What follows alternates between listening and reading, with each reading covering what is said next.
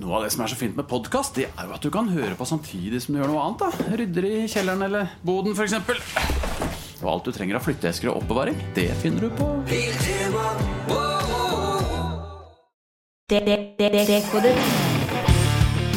Og den maten er så inn i helvetes god, og du blir mett. God comfort food, da. Jeg vil heller dra dit enn å på en måte dra på Maemo. Dekodet. Ikke på europris til 79 spenn for begge, da. Og det er jo vaklehelvete. Ja. Og det føler jeg litt sånn derre Aldri opplevd i livet at man har kjøpt noe som er billig, som faktisk funker. Eller sånn, Det er gjerne motsatt. At du kjøper noe som er eh, Hvis du kjøper noe som er dyrt, så kan det være dritt. ja. Men du får aldri noe som er billig, som er overraskende bra. Du mener det? Ja, Eller kanskje jeg, Det er min erfaring, i hvert fall. Ja, nei, i hvert fall hvis han eh, Hvis du tenker på det han Wolfgang sa om biff. First, fry, first Price Biff, har du hørt om det? Jeg har hørt om det, jeg har ikke turt å kjøpe det er, du finner jævlig mye bra fra First Price, altså. Yes. First Price, eh, price entrecôte, liksom. Tar du opp nå, eller? er Ja, ja, nei, jeg kjører. Og det går, det kjører Ja, ja, det er, vi er i gang, liksom. Ja, ja, ja, shit. Såpass, ja. Jo, hei. Hei sann. Nei, men eh, jeg har ikke Altså Når det kommer til First Price, jeg kan kjøpe liksom dassrulle. Den er også jævlig kjip, da, den dassrullen. Men liksom sånne ja, toalettartikler og sånn, da. Men Ja. ikke biff, det har jeg ikke tørt. Nei, men biff, da, da Du må på en måte vite litt hva du gjør. da Du må se etter litt sånn der marmoreringa i kjøttet og kjenne litt på om det er mørt og, eller om det er fast og sånne type ting. Så du kan jo gå jævla feil og kjøpe feil biff, liksom. Ja. Men så er det jo også andre deler at du må jo vite hvordan du skal tilberede biffen i tillegg. da Ja, ja. Så hvis du tilbereder den dårlig i tillegg til å ha valgt et dårlig stykke biff, Ja, så da er det fucked. Ja, da er det fucked, på en måte. da. Men hva er det som gjør det til First Price? Hvorfor er det noen biffstykker som blir First Price? liksom? Jeg tror det er noe at de Jeg vet ikke, jeg bare spekulerer nå. At det kanskje er noe overskuddskjøtt som de ikke får solgt, eller de må bare bli kvitt De må bare kvitte seg med uansett, liksom. så pakker, det, pakker de det inn som First Price. For det er fortsatt norsk kjøtt, vil jeg tro. da Det er norsk kjøtt, ja, men jeg tror ikke alt sammen er norsk kjøtt. Noe av det står, eh, står det at det er fra sånn Botswana eller eh, et eller annet Ja. sånt. Så du må alltid lese. Ja?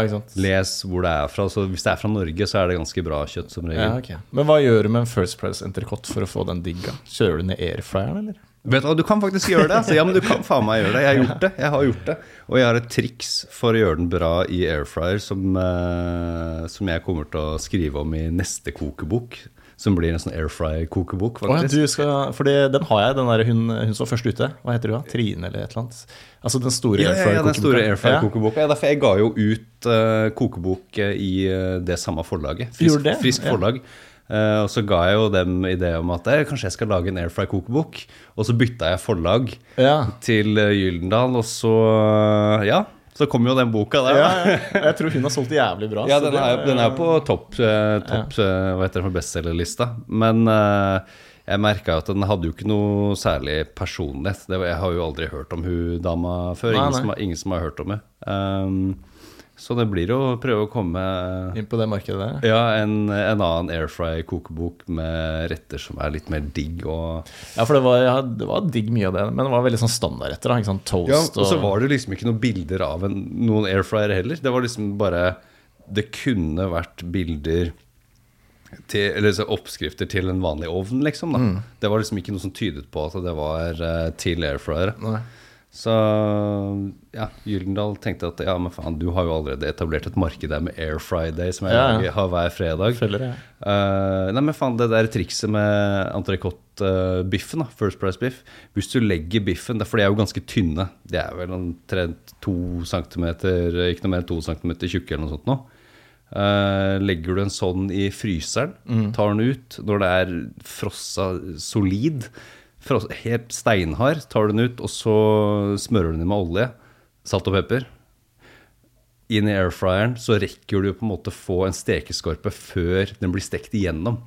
Skjønner. Så da steker du den fem minutter på én side, snu fem minutter på andre sida. Rett fra frysen, liksom? Rett fra frysen. Fordi da får du liksom Da rekker du å få Men det, er, det funker bedre jo tjukkere biffen er, på en måte. Fordi hvis den er veldig tynn, så rekker du ikke å få den stekeskorpa helt, på en måte. Nei. Fordi det kommer ganske mye fukt på utsida når biffen begynner å smelte litt. Ja, men du får stekeskorpa, så gjør det. Nice. Overraskende nok. Liksom. Men trenger du da forvarme airfryeren?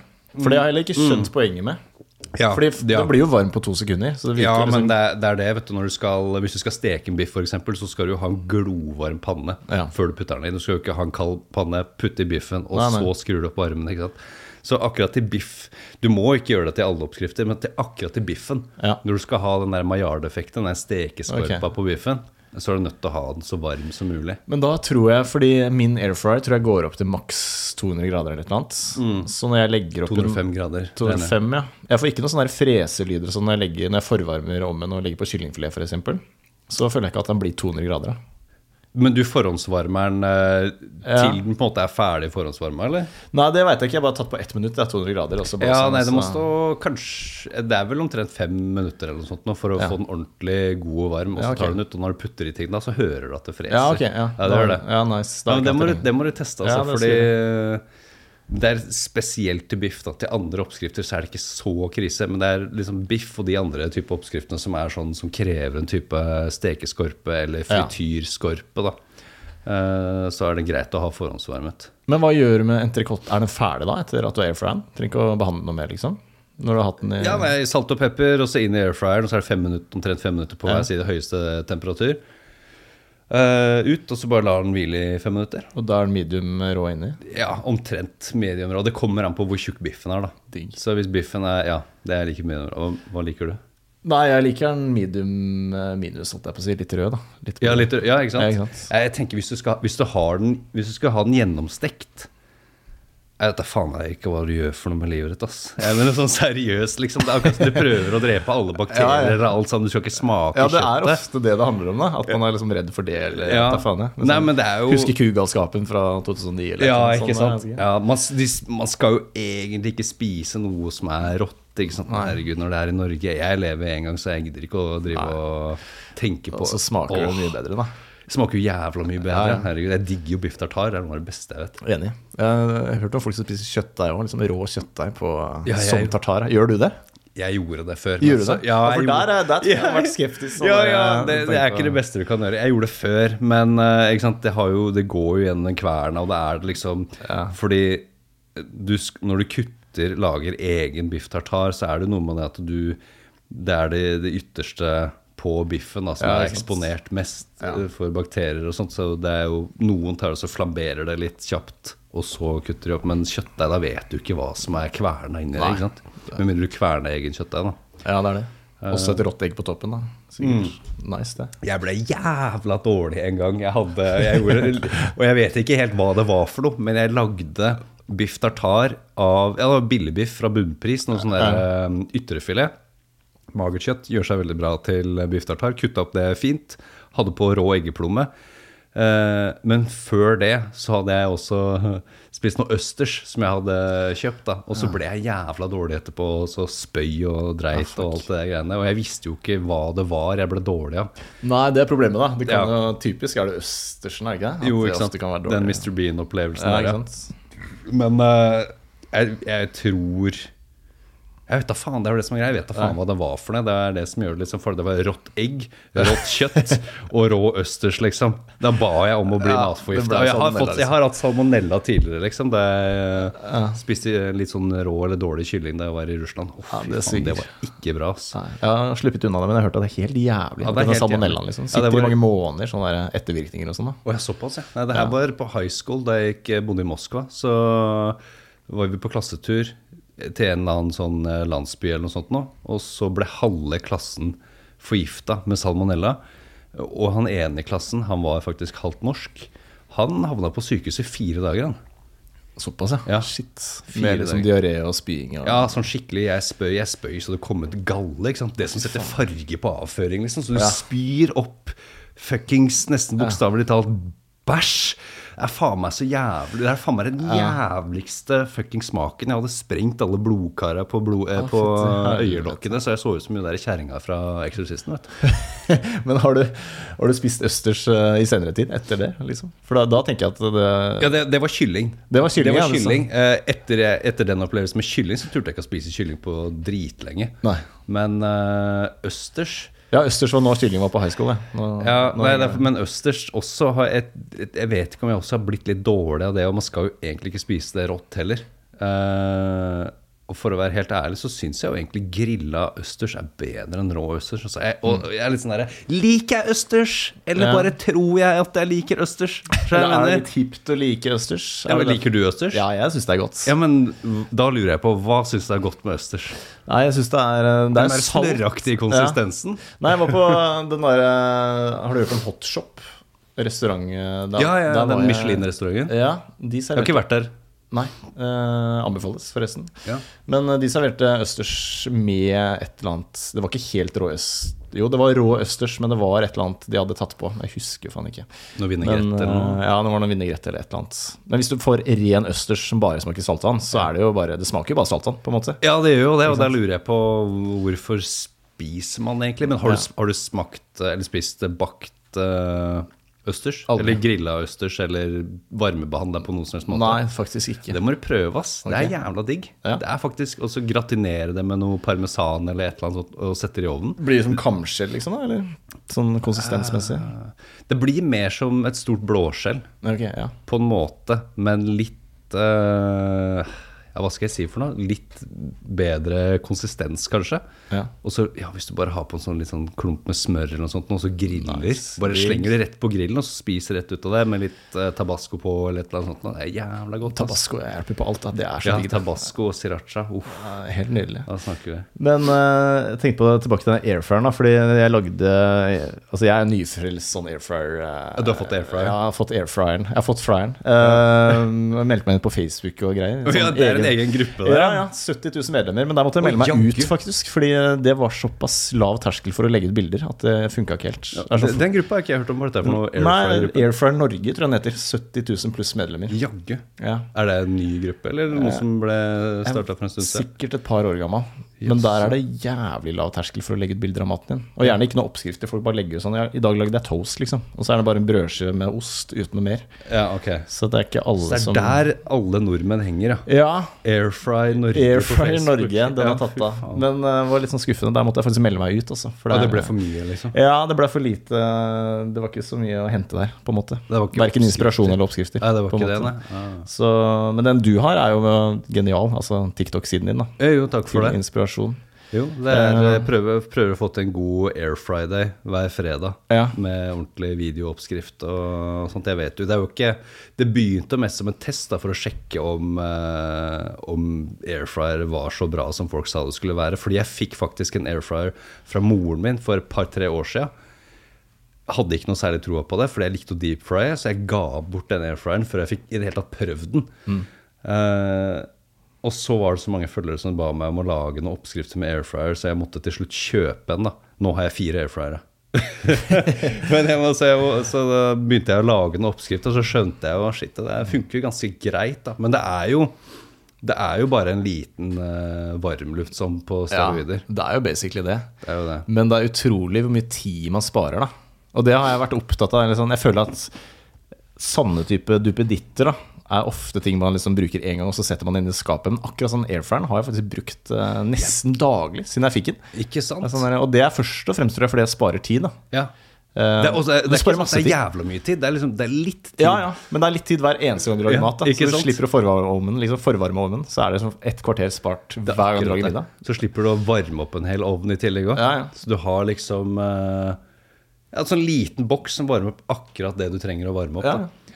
Og det blir mørere. I hvert fall den kyllingfileten jeg har lagd. Ja. Det er helt sånn sykt mør og saftig. Jeg vet ikke om det gjelder med biff, men nå startet du med å si at biffen ble helt fantastisk. Du fikk eh, saftig kyllingfilet? Saftig kyllingfilet. Ja. Eh, kanskje den saftigste jeg noen gang har lagd. Og jaggu, hvordan er det du tilbereder den? Nei, det var jo oppskriften til hun som hadde lagd den kokeboka. Som, Mm. eh, den store airfryer-kokeboka. Jeg tror det er 17 minutter på 185 grader. Eh, kutte noe snitt i kyllingfileten, marinere med honning og soya. Ja, ja. For da får du sånn type sånn der Ja, glaze som holder litt av saftene til kyllingfileten i I der, kyllingfileten. liksom. Eh, Ja, ja. 17 minutter. Syns det hørtes lenge ut, men eh, det ble saftig, altså. Det gjorde det? Ja. Ja, det må jeg teste. Mulig jeg husker kanskje det var 16. For der tror jeg det er sånn hårfin balanse. Ikke sant? Går ett Ja. minutt for langt, så blir den tørr. Ikke? Ja, det er et eller annet med den der eh, med airfryer at det er jo siden det er varmluftsovn, at det kan bare tørke ut hva du enn spiser hvis Ja, ja. det går for lenge. liksom At den bare blåser ut alt som Ja, er av væske. liksom Og det hatt et eh, Altså at man kunne sett inn i airfryeren, det savner jeg som en stekeovn. Ja. jeg lagde meg burger og da bare fløy salaten og eller. Både du putta en hel burger i airfryer? Ja, jeg, eh, hva var det igjen, da? Det var, det var toast, kanskje.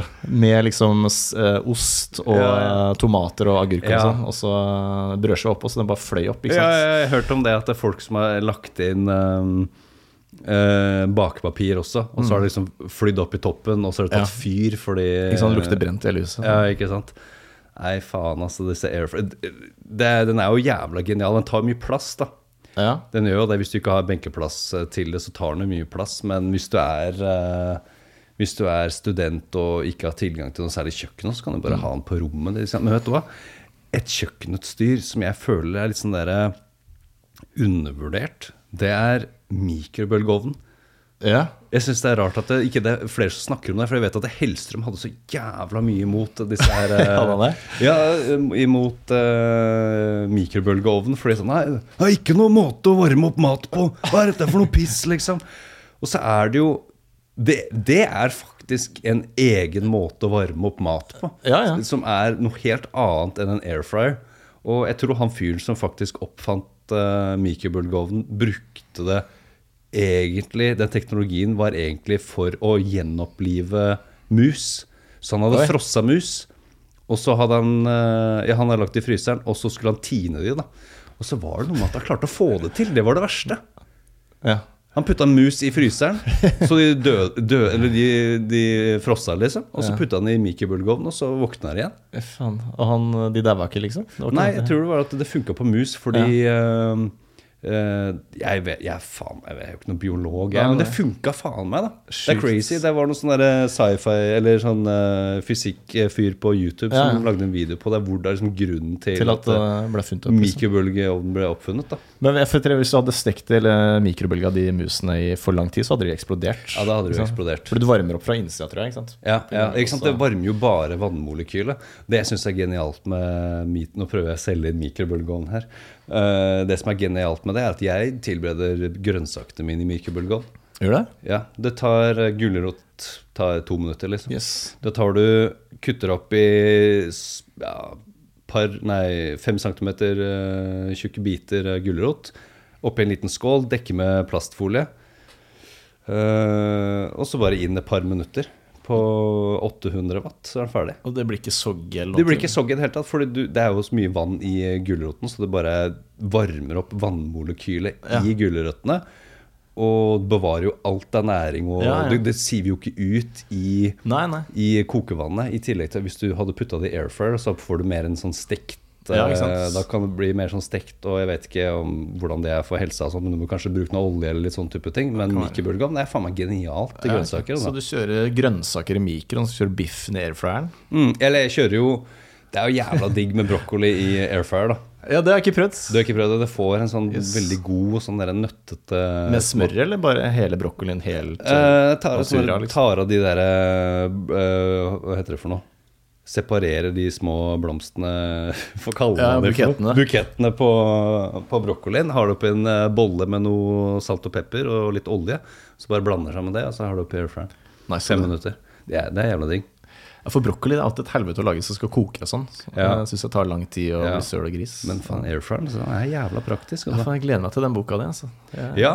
jeg har satt i gang nå. Nå skal det være Jeg vet jo at den der store airfryer-boka er litt sånn derre Dette er ting man kan lage. Jeg tenker jeg skal fokusere litt mer på sånn derre Det som er jævla digg, da. Mm.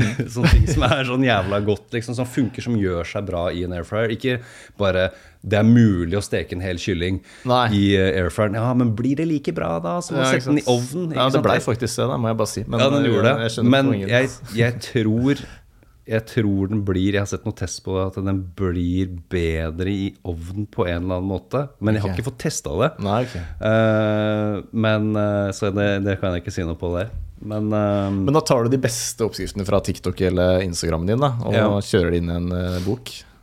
Eller skal du lage noe nytt? Eller? Ja, det blir jo mye nytt også, da. Ja. Uh, men jeg tenker at uh, jeg kjører på med litt sånn ting som jeg ser fra TikTok, og sånn som funker, og ting som jeg har testa, som jeg merker at det, Sånn spesielt da med kylling. Ja. At uh, det mørke kjøttet fra lår og sånt ja. det gjør seg jo mye bedre til langtidssteking og, og sånt, fordi det blir jo aldri tørt. ikke sant? Nei, Hvis du slegger en kyllingfilet inn, så er det sånn, det står på noen sekunder før den er drittørr nesten. ikke sant? Kyllinglår, ikke sant? kyllingkonfi, da er det jo bare ikke sant? Det detter av beina og sånt når du bare ligger lenge og koker uh, i olje og sånt. Men er du forresten er du kokk? Sånn, har du kokkeutdanning? Eller Nei, ikke er det, ass. Det her er, det er bare YouTube, ass. Er det det?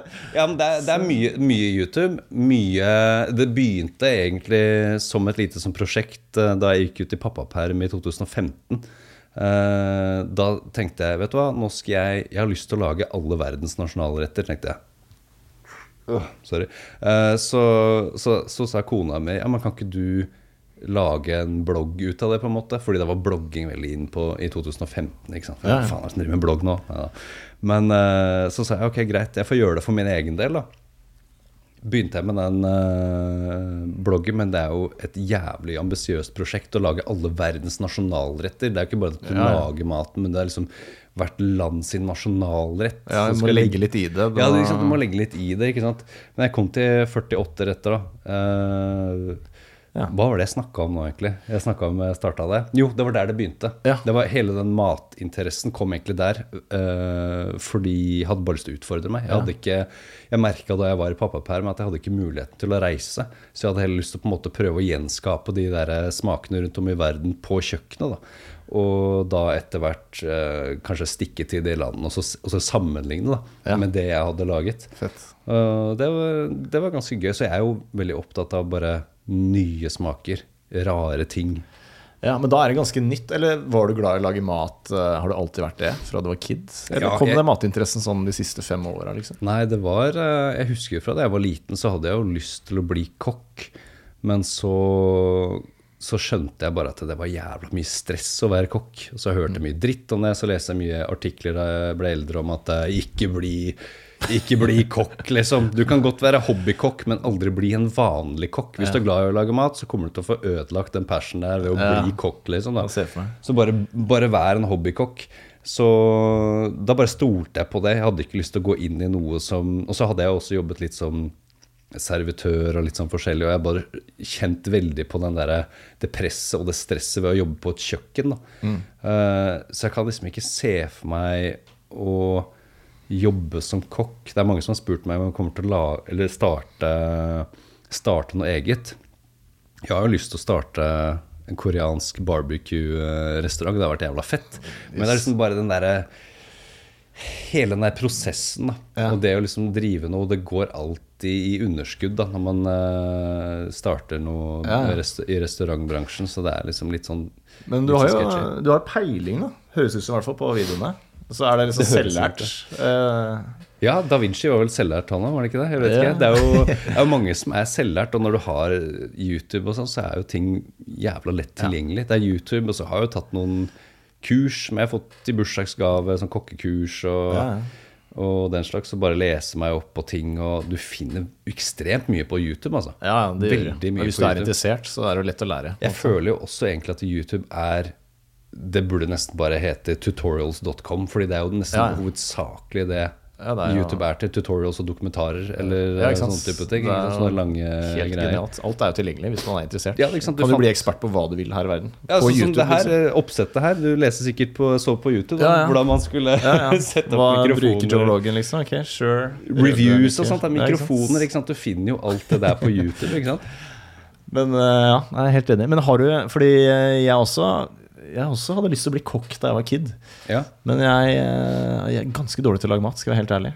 Eh, Ja, det var jeg også, altså. Ja, var jeg, var, jeg, jeg var jævla dårlig til å lage mat. Ja. Jeg, var, jeg var ikke noe god i starten. Men jeg har ikke den der, for noen folk kan jo bare ta improvisere og få det til å smake Plutselig smaker det bedre enn det gjorde. Liksom. De bare finner noe krydder her og putter inn litt der. Og smaker, ok, det mangler litt det og det. Jeg lurer på om jeg har ikke, sånn, jeg har ikke raffinert nok nese da, eller tunge til å klare, klare akkurat det der. Det er jo akkurat det du snakker om der, føler jeg er kanskje det vanskeligste med kokkelering. Det, det du snakker om, det er sånn intuitiv Ja, matlaging. At eh, folk snakker jo om eh, Ja, men du må spise opp det du har i, eh, i kjøleskapet, eller det, det du har i skapet. Men det er akkurat den prosessen der å vite hva du kan lage ut av det du har igjen, for at Mm. Ja, det ikke bare det skal eh, brukes opp, men at det skal smake godt i tillegg. da. Mm. Og den der intuitive uh, matlagingen, det, det føler jeg kommer med, liksom, med året. At du, må liksom, du må ha kokkelert litt, og så skjønner du Mm. Ja. hva som funker av smaker og ikke, og du, du husker det litt, på en måte. da. Ja, ja. Så du må liksom teste deg, teste deg frem. Du kan liksom ikke alltid tenke deg frem til det. Du Nei. må liksom smake litt. Ja, for jeg er sånn, Hvis jeg viker fra oppskriften, så føler jeg at det alltid går til helvete. da Jeg Ja. tenker at liksom Og så er det typisk meg sånn, hvis det står i oppskriften at det er sånn I går da så lagde jeg den derre uh, Appetina portebello-sopp-oppskriften din. Uh, ja, den derre baked eh, feta Den type ble, greier. ja, ikke sant? Den ble jævlig god. Og så sier du nei, så slenge oppi seks hvitløkshødd. Så tenkte jeg faen, det er altfor mye. Liksom. Det blir, eh, Hvitløkshelvete orker jeg ikke. Ja, ja. Så tenkte jeg ta tre, da. Ja. Så tenkte jeg nå skal jeg faktisk følge oppskriften. Og det blei jo ikke for mye. Men det er så typisk meg bare nei, jeg stoler ikke på oppskriften, liksom. Det høres for mye ut. Ja, nei, hvitløk, Jeg føler liksom aldri man får nok hvitløk, i hvert fall når det blir bakt, og sånn, for da blir smaken mye mildere. Ja. Så, Ja, det visste jeg ikke, men Nei, ikke sant? Det er jo sånne type ting Ja. som, man, som man lærer når man eh, Ja, holder på Ja. å kokkelere en stund. Så ja, jeg vet at eh, de er sterke når de er rå, men hvis jeg steker de, så får du mildere smak, og da må jeg ha i mer. Uh, ja, og så liksom den sammensetning av fett og syre og, og sukker og, og sånne type ting. Man må smake på maten hele tida. Og det var jeg jævla dårlig på før. Å drive og smake på sauser og sånt. Det er bare sånn, ja, nå har jeg blanda sammen den sausen her. liksom. Og så er det sånn, men når jeg lager pastasaus nå, så er det liksom Ja. Ok, den mangler den, den, Du smaker om hva som mangler, på en måte. Ja, Den er Ja. ikke søt nok, eller den, det mangler litt syre. det mangler litt Uh... Og det har du klart å trene deg opp til. Og... Ja, du må liksom bare prøve deg litt frem, og det, det var jeg redd for tidligere. Den derre å prøve noe nytt i en oppskrift som jeg kanskje ellers eh, som, var, som var en go to-oppskrift. Men så har jeg liksom servert det til andre. Jeg hadde en kompis eh, fra USA som eh, kom på besøk, og da hadde jeg liksom akkurat starta med den der matbloggen og sånt. Og så tenkte jeg ok, den oppskriften her, den kan jeg greit. Det var jo bare noen norske kjøttkaker eller noe sånt liksom. Jævla kjedelig. Eh, og så serverer jeg til han og bare Faen, jævla salt mat dere har i Norge, Ja. liksom. Det var jævla salt. Det, sma, det smaker jo ingenting, liksom. Det var bra han var ærlig, da. Og så smaker jeg på det på nytt, og så er det sånn herre Det er faen meg sant. Ja. Det er faen meg sant. Og jeg liksom tenkte ikke noe særlig over det, fordi mye av den maten jeg sammenligna med, var liksom annen norsk tradisjonell uh, huskostmat som var Smakte jævla lite, da. Ja, ja, ikke sant. Uh, Norge er nødt til å uppe gamet på litt sånne tradisjonelle Du, norske- apropos, jeg leste en sånn der artikkel uh, i dag uh, om at det var en sånn nettside, en matnettside, som uh, Kåra Norge til kåra Norge til verdens kjipeste ja, eh, ja, ja. tradisjonsmat. da Kom på 95.-plass av 95 land. ja, fy faen, jeg så det! Ja, hva, hva tenker du der? Nei, jeg tenker jo eh, Jeg veit ikke om de, for det er jo brukerne på den nettsiden som har stemt. da Så jeg vet ikke om de bare har sett bilder av maten og så stemt ut ifra det, eller hvordan, om de har faktisk smakt på det før de har stemt til hvordan det har funka. Ja. Men når du ser en, liksom sånn, en litt sånn trist fårikål ved siden av en Napoli-pizza med surdeigsbunn og blåmuggost, liksom, da vinner jo pizzaen. Den gjør jo det, og jeg, jeg, jeg må si jeg er enig nesten med den, Ja. med den kåringa der. Og, men det er ut ifra hva som på en måte har vært tradisjonell norsk husmannskost. Altså, som ikke Ja. er en sånn oppdatert, moderne versjon eller noe sånt nå. Fordi jeg mener Fårikål er godt, men er det godt fordi jeg er vokst opp med det? Ja. Eller er det liksom godt i seg selv? For det er jo bare kål og lam. Ja. Um, Og så er det godt en gang iblant. Og hvis noe bare er godt en gang iblant, Ja, det er er det. det da egentlig jævlig godt. Det er akkurat det. Jeg kunne faen aldri spist fårikål en gang i uka. Nei, Pizza kan jeg faen meg nesten spise hver jævla dag. Ja, ja, jeg gjør det. Hamburger. You name it, taco, ikke sant. Spiser jo det faen meg hver fredag, ikke sant. Men fårikål hver fredag? Nei, det skjer ikke, ass. Også pinnekjøtt er også jævla digg. Det er noe av det beste jeg vet. Jeg kunne ikke ha spist det hver fredag. Nei, det, Det stinker jo opp for det første hele leiligheten, og så får du det kjøttet mellom tenna. Og Ikke sant? Og så er det veldig salt, da. Men Veldig akkurat pinnekjøtt er jo helt sykt digg, da. Men Det er er, veldig det digg. fordi det er julaften, liksom, og det er god stemning, det er det. og vi gleder oss? Men jeg merker jo det i jula. Så hvis jeg spiser jæ- Da spiser jeg jo jævlig mye pinnekjøtt, da, fordi det er liksom den ene gangen jeg får Ja. spise pinnekjøtt. At jeg får spise meg litt på det, så jeg er sånn derre Nå venter jeg til neste år, liksom. Nå Ja. har ikke jeg Ja, ja. på det før neste år. Det burde jo egentlig nesten ikke Det burde jo ikke være sånn, liksom, når man Nei. spiser mat. Nei, ikke sant? Når du spiser en pizza Nei, det ble jeg Ja, så at jeg, jeg venter et år før jeg skal spise noe pizza igjen, liksom. Jeg, jeg, er litt, jeg er litt eh, enig i den kåringen der, faktisk. altså. Ja, men 95.-plass, det er brutalt, da. Men det er klart å ha fårikål, så har du kjøttkaker. Det er også kjipt, syns Ja, jeg. Da. Det er kjedelig, liksom. Det smaker ingenting. Det er jo... Nei, ikke sant, Swedish meatballs, eller sånn svenske kjøttboller, ja, har jo i hvert fall litt mer forskjellige typer krydder, Ja, eh, tror jeg. Sånt, og... Smalahove har tror ikke jeg smakte jeg. Nei, jeg ikke Men, smakt det, er men jeg sånn tror det, det smaker vel bare lam. Salt, liksom. Salt sjake. Ja, Ikke vet jeg. de er nødt til å opp, Norge er nødt til å oppdatere tradisjonell husmannskost. Altså. Det er, fordi det er jo Vi har jævla gode råvarer. Det er ikke mangel på gode råvarer Nei, nei. i Norge. Nå var jeg nylig i, eh, i Sør-Korea på på sånn, litt sånn feltarbeid for uh, sørkoreanske kokeboka som jeg, skal, eh, som jeg skriver på. Uh, og de jo, det landet er jo halvveis omringet av vann, så de har masse sjømat. Og Der fikk jeg en sånn sjømattallerken med Ja, der var det sånn levende blekksprut, holdt jeg på eller sånne tentakler som bevegde på seg. Men de hadde også jævla mye forskjellige typer skjell og snegler som de hadde kutta opp i fine skiver, som var liksom servert som en sushi. da. Og jeg tenker, dette her er jo type, forskjellige typer skjell som vi også har i Norge, da. Så vi kunne gjort i Norge. Liksom norsk type sushi. Men jeg vet ikke hva vi Vi, vi tenker liksom at eh, vår mat er kjedelig. Vi importerer heller annen type mat istedenfor å tenke i stedet for å bare tenke litt sånn ut ifra hva vi har av råvarer. Dette er råvarene våre. Vi er ikke nødt til å følge noe husmannskost, ikke noe oppskrift. Liksom Tenk litt utenfor boksen. Tenk dette her er råvarer som er gode i seg selv. Prøv å bare spise de for det de er, da. Ja, bare ja, server de sånn som de er, eller Men, eh, men du har en del sånne nye fine dining-restauranter som er veldig gode på nordisk kusin. da Sånn som denne var på Hotshop. Det var jo nordisk mat, vil jeg si. Mm. Ja, Så, eh, ja det og Maiemo også. Maemo, er- ikke sant. Eh, Noma i Danmark. Men da må du jo opp i den prisklassen. Da, Ja. som, Nei, men Jeg har jo vært og spist på Maiemo. Jeg, jeg ble skuffa. du, det, har, det er flere venner av meg som har sagt at de ble Jeg har også spist på den gamle Maiemo. Da var jeg ikke skuffa, men de har jo flytta lokaler. Og folk som har spist på nye Maiemo, sier at det er en kjip opplevelse.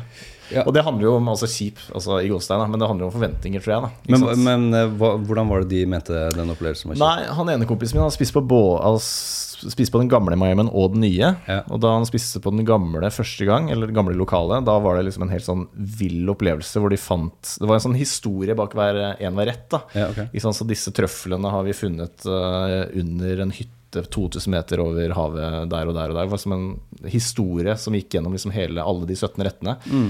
Mens uh, når jeg spiste der andre gang, så var det mer sånn eh, Det var upersonlig preg, da, på en måte. Du fikk ikke noe historie rundt rettene. Var et eller Mm. Ja. annet. Ja, Men det var litt sånn der, fordi der første, det første lokalet var jo helt hvitt og sånt. Det føltes Ja. som himmelen, og nå er det mer sånn helvete. Det ser, sånn, ja, men det er ser litt, svart og- ja, men det ser litt sånn, sånn American Psycho eller sånn eh, Batcave-aktig ut. Det ser ut som på en måte Satan sjæl Ja. bor der. Så husker jeg at jeg fikk et bilde på slutten etter alle disse rettene og sånt, så jeg var jo fortsatt sulten. Og Jeg spiste jo en kebab etter jeg var ferdig der, liksom. og så fikk vi et bilde som han Espen, El, eh, Espen Holmo Bang hadde tatt Ja. av, sånn inne på restauranten der. da Sånn svart-hvitt bilde.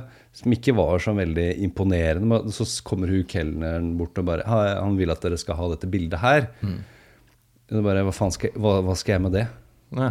Ja, men hva skal jeg med det? Ja. liksom Jeg bare følte at det hele De skjønte at dere var skuffa, så måtte dere bare ja, desperat sånn videre, Jeg fikk jo en kurv med bare masse kanelsnurr på slutten. Sånn, ja, men Er det det jeg skal bli med Ja, på? Skal jeg bare sitte og spise masse kanelsnurr? Og når jeg først Ja. fikk noe kjøtt da, som var sånn god norsk lam, så var det liksom på, på størrelse med jeg vet da faen, en halv snusboks eller noe sånt. Ja. Det var kjempelite. Og liksom, uansett hvor mindful jeg hadde vært når jeg hadde spist den maten der, Ja. Det går kjapt ned, liksom. Det er liksom Du, du rekker jo ikke å nyte det. Nei, det gjør ikke det. Men eh, jeg tror det handler litt om forventninger. da altså, når du, For du betaler så jævlig mye for å spise. Du har ikke råd til å gjøre det en gang i året. Ikke sant? Så det er sånn, Du svir jo fort av 14 000 med full vinpakke ikke sant? På, en sånn, på et sånt sted. Når du betaler så mye penger, da da holder ikke at det er jævlig bra. Det må liksom være perfekt. da Ja. Nei, Og når du er- hører så mye bra om det på forhånd også, så tror du at du skal ha livets opplevelse. Og hvis du da er liksom 95% så blir du skuffa. da. Jeg syns ikke maten eh, sånn som Det var en eller annen grøt med noe revet reinsdyrhjerte oppi. Og jeg, det verste jeg vet, er jo egentlig grøt. da Det var noe røm, rømmegrøt. Og da var det liksom Å, faen, selvfølgelig kommer de med det. Det verste er noe annet jeg også ikke liker, er risotto.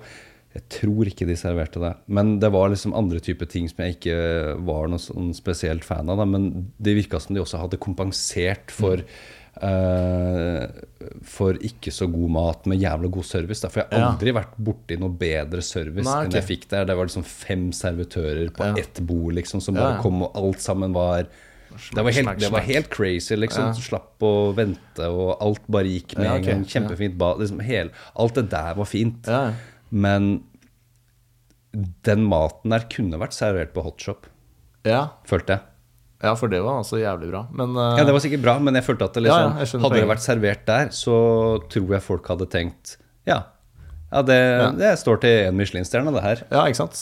Men var du, sa du at du hadde spist på begge, i begge lokalene? Nei, bare, bare det nye. Bare det nye? For Mm. kanskje det har blitt dårligere, altså. For jeg fikk en skikkelig bra opplevelse første gang jeg spiste der. Ja, det gjorde det. Det gamle lokalet. Men Ja. da hadde jeg ikke noen forventning. Jeg visste ikke at det var tre stjerner i Michelin-guiden engang. jeg. Nei, ikke sant? trodde kanskje det var én, og så fikk jeg det overraskelsesgave, liksom. Så jeg bare, ja, fint. Ja? Så jeg hadde ikke noen forventninger. Da. Så Kan da, hende at det har noe med det å gjøre, at folk lar seg litt eh, rive med av lokalet. For det er jo et jævla fett lokale, liksom. Det er to etasjer der, og du blir tatt med til forskjellige rom og, og, Ja, sånt fin kunst og sånt der inne. Det er jo en fin opplevelse å sitte der. Eh, men for meg, da jeg, liksom yndlings, En av yndlingsrestaurantene mine er Way Down South. Har du vært der? Som barbecue-restaurant i Oslo, liksom. Bare jævla digg barbecue-mat som har eh, hvor de som driver restauranten har dratt ned til jeg vet ikke hvor det er, om det er Tennessee eller Alabama, incestområdet, du vet, i USA. og kommet tilbake, eller var det Texas kanskje det hadde vært, kommet tilbake med liksom de beste teknikker da, for å lage den beste typen eh, barbecue. Og den maten er så inn i helvetes god, og du blir mett. Ja. Og det er bare jævla godt. God comfort Ja. food, da. Og jeg vil heller dra dit enn å på en måte dra på Moemo, ja. hvis du skjønner. ja, ja. Litt mer upretensiøs, Ja, liksom. upretensiøs og bare digg mat. Jeg føler at uh, disse her eh, trestjerners Michelin-restaurantene, de, de klarer liksom ikke å overgå seg selv noe mer eller det, enn det som allerede er gjort nå. Da. Så du har jo Alchemist i eh, Ja. København, har du hørt om det? Ja, jeg har hørt om det. Som holder på i Det er åtte timer lang seating eller noe Ja, sånt. Okay. nå, det er jo helt insane og så jævla dyrt. Og i tillegg, men det er jo en skikkelig opplevelse. Det Hele taket er vel noe skjerm eller et eller annet sånt noe. Men da blir det mer den opplevelsen. Ja. Det blir Da er det ikke bare maten, liksom. Det er hele Dra dit og vær blind, liksom, og så se Ja. hva du syns. Ja, ikke? Da, da får du virkelig testa om maten er god. Da. Ja, ja. Men nå legger jo Noma ned, da. så kanskje det er litt sånn endring i tiden. At den der eh, fine dining, trestjerners Michelin er litt ut. da At det skal være litt nedpå igjen, men likevel god mat. da Og det liker jeg, det konseptet hvor det er casual atmosfære, og Ja. servitørene går i T-skjorte og sånn, men maten er jævla god. Men de sier at de har lagt ned, men samtidig så er det vel Noma 3 3.0 Ja, skal starte i men det er en Japan restaur- eller Å noe. ja, det er en restaurant ja, i Japan. Ja, jeg det trodde det var noe sånn at de skulle forske på nye smaker. Ja, sånn, men jeg tror de kommer til å fortsette med liksom pop-ups og, Ja, ok, ja. og litt sånn type ting, og workshops, og Ja. gjøre det litt mer til sånn Culinary Ja. Academy-type greier. Men jeg tror ikke de har gått helt vekk fra restaurant, eh, restaurantbransjen, egentlig. Nei. Men så syns jeg det er litt sånn kjipt eh, personlig den retningen de har dratt, eh, tatt det med mm, den der Noma 2.0 eh, med, med fokus på vegansk mat og grønnsaker og Ja, okay. sånne type ting. Det er ikke kjøtt lenger, eller? Nei, det, sånn som jeg har fått det med meg nå, så har det ikke vært liksom kjøtt på den menyen som har vært uh, nå den siste, siste tida. Uh, og at jeg, jeg bare lurer på Prøver de å bevise et poeng her, eller er det liksom Er det greenwashing? Hva, hva er det som skjer? er det liksom, hvis noe kjøtt er digg, kan dere ikke bare eh, servere det, på en måte? Men det er jo kanskje han som lyst, hadde lyst på en utfordring. Ja, ja. Det, det kan jo også være at han hadde lyst til å på en måte få noe Ja. som på en måte er grønnsaker til å smake digg. Ja, det kan være, for han virker som en fyr som liker en challenge. da For jeg tror det var ikke Maimos, nei, Noma stengt en periode, og så prøvde han å åpne han det i Latin-Amerika eller sånt. Ja, i Så- Mexico sånn taco, ja, Mexico, ja. Sånn er det Noma taco. Uteservering, liksom. Ja. Så, så jeg vet ikke om det er bare noe innfall han har. Jeg, jeg tror at det beste han vet, er en biff. For jeg husker på Skavlan så snakket han om Ja, at det er de beste opplevelsene jeg har hatt. Det er liksom den biffen som faren hans grilla liksom, da han var Alle som sier noe annet, ljuger. Ja, ikke sant? Jeg føler litt det. Men uh, nei, jeg vet ikke. Det er jo, det er jo bra å tenke, tenke miljø og, og grønt og grønnsaker og sånt, men hvis du gjør det som en del av litt sånn greenwashing, så vet jeg ikke om på en måte intensjonen er helt på plass. da Riktig intensjon. Nei, det er det. Har du sett den der filmen The Menu, eller? Nei, har ikke det. Men jeg skal bare jeg skal sjekke kjapt om opptaket. Ja. Vi bare kutter, eh, kutter tilbake. Det som er skummelt med kyssesyken, er jo at de har kobla det direkte til eh, MS nå. Har du det? Ja. Fett. Jeg har hatt begge deler. Både kyssyken, korona Og MS. Ikke MS. Ikke ennå. ikke ennå. Nei, men at det har vært eh, en eh, sterk eh, kobling der mellom kyssesyke og MS. Da, for det er et sånt virus som Ja. kan gli over til det.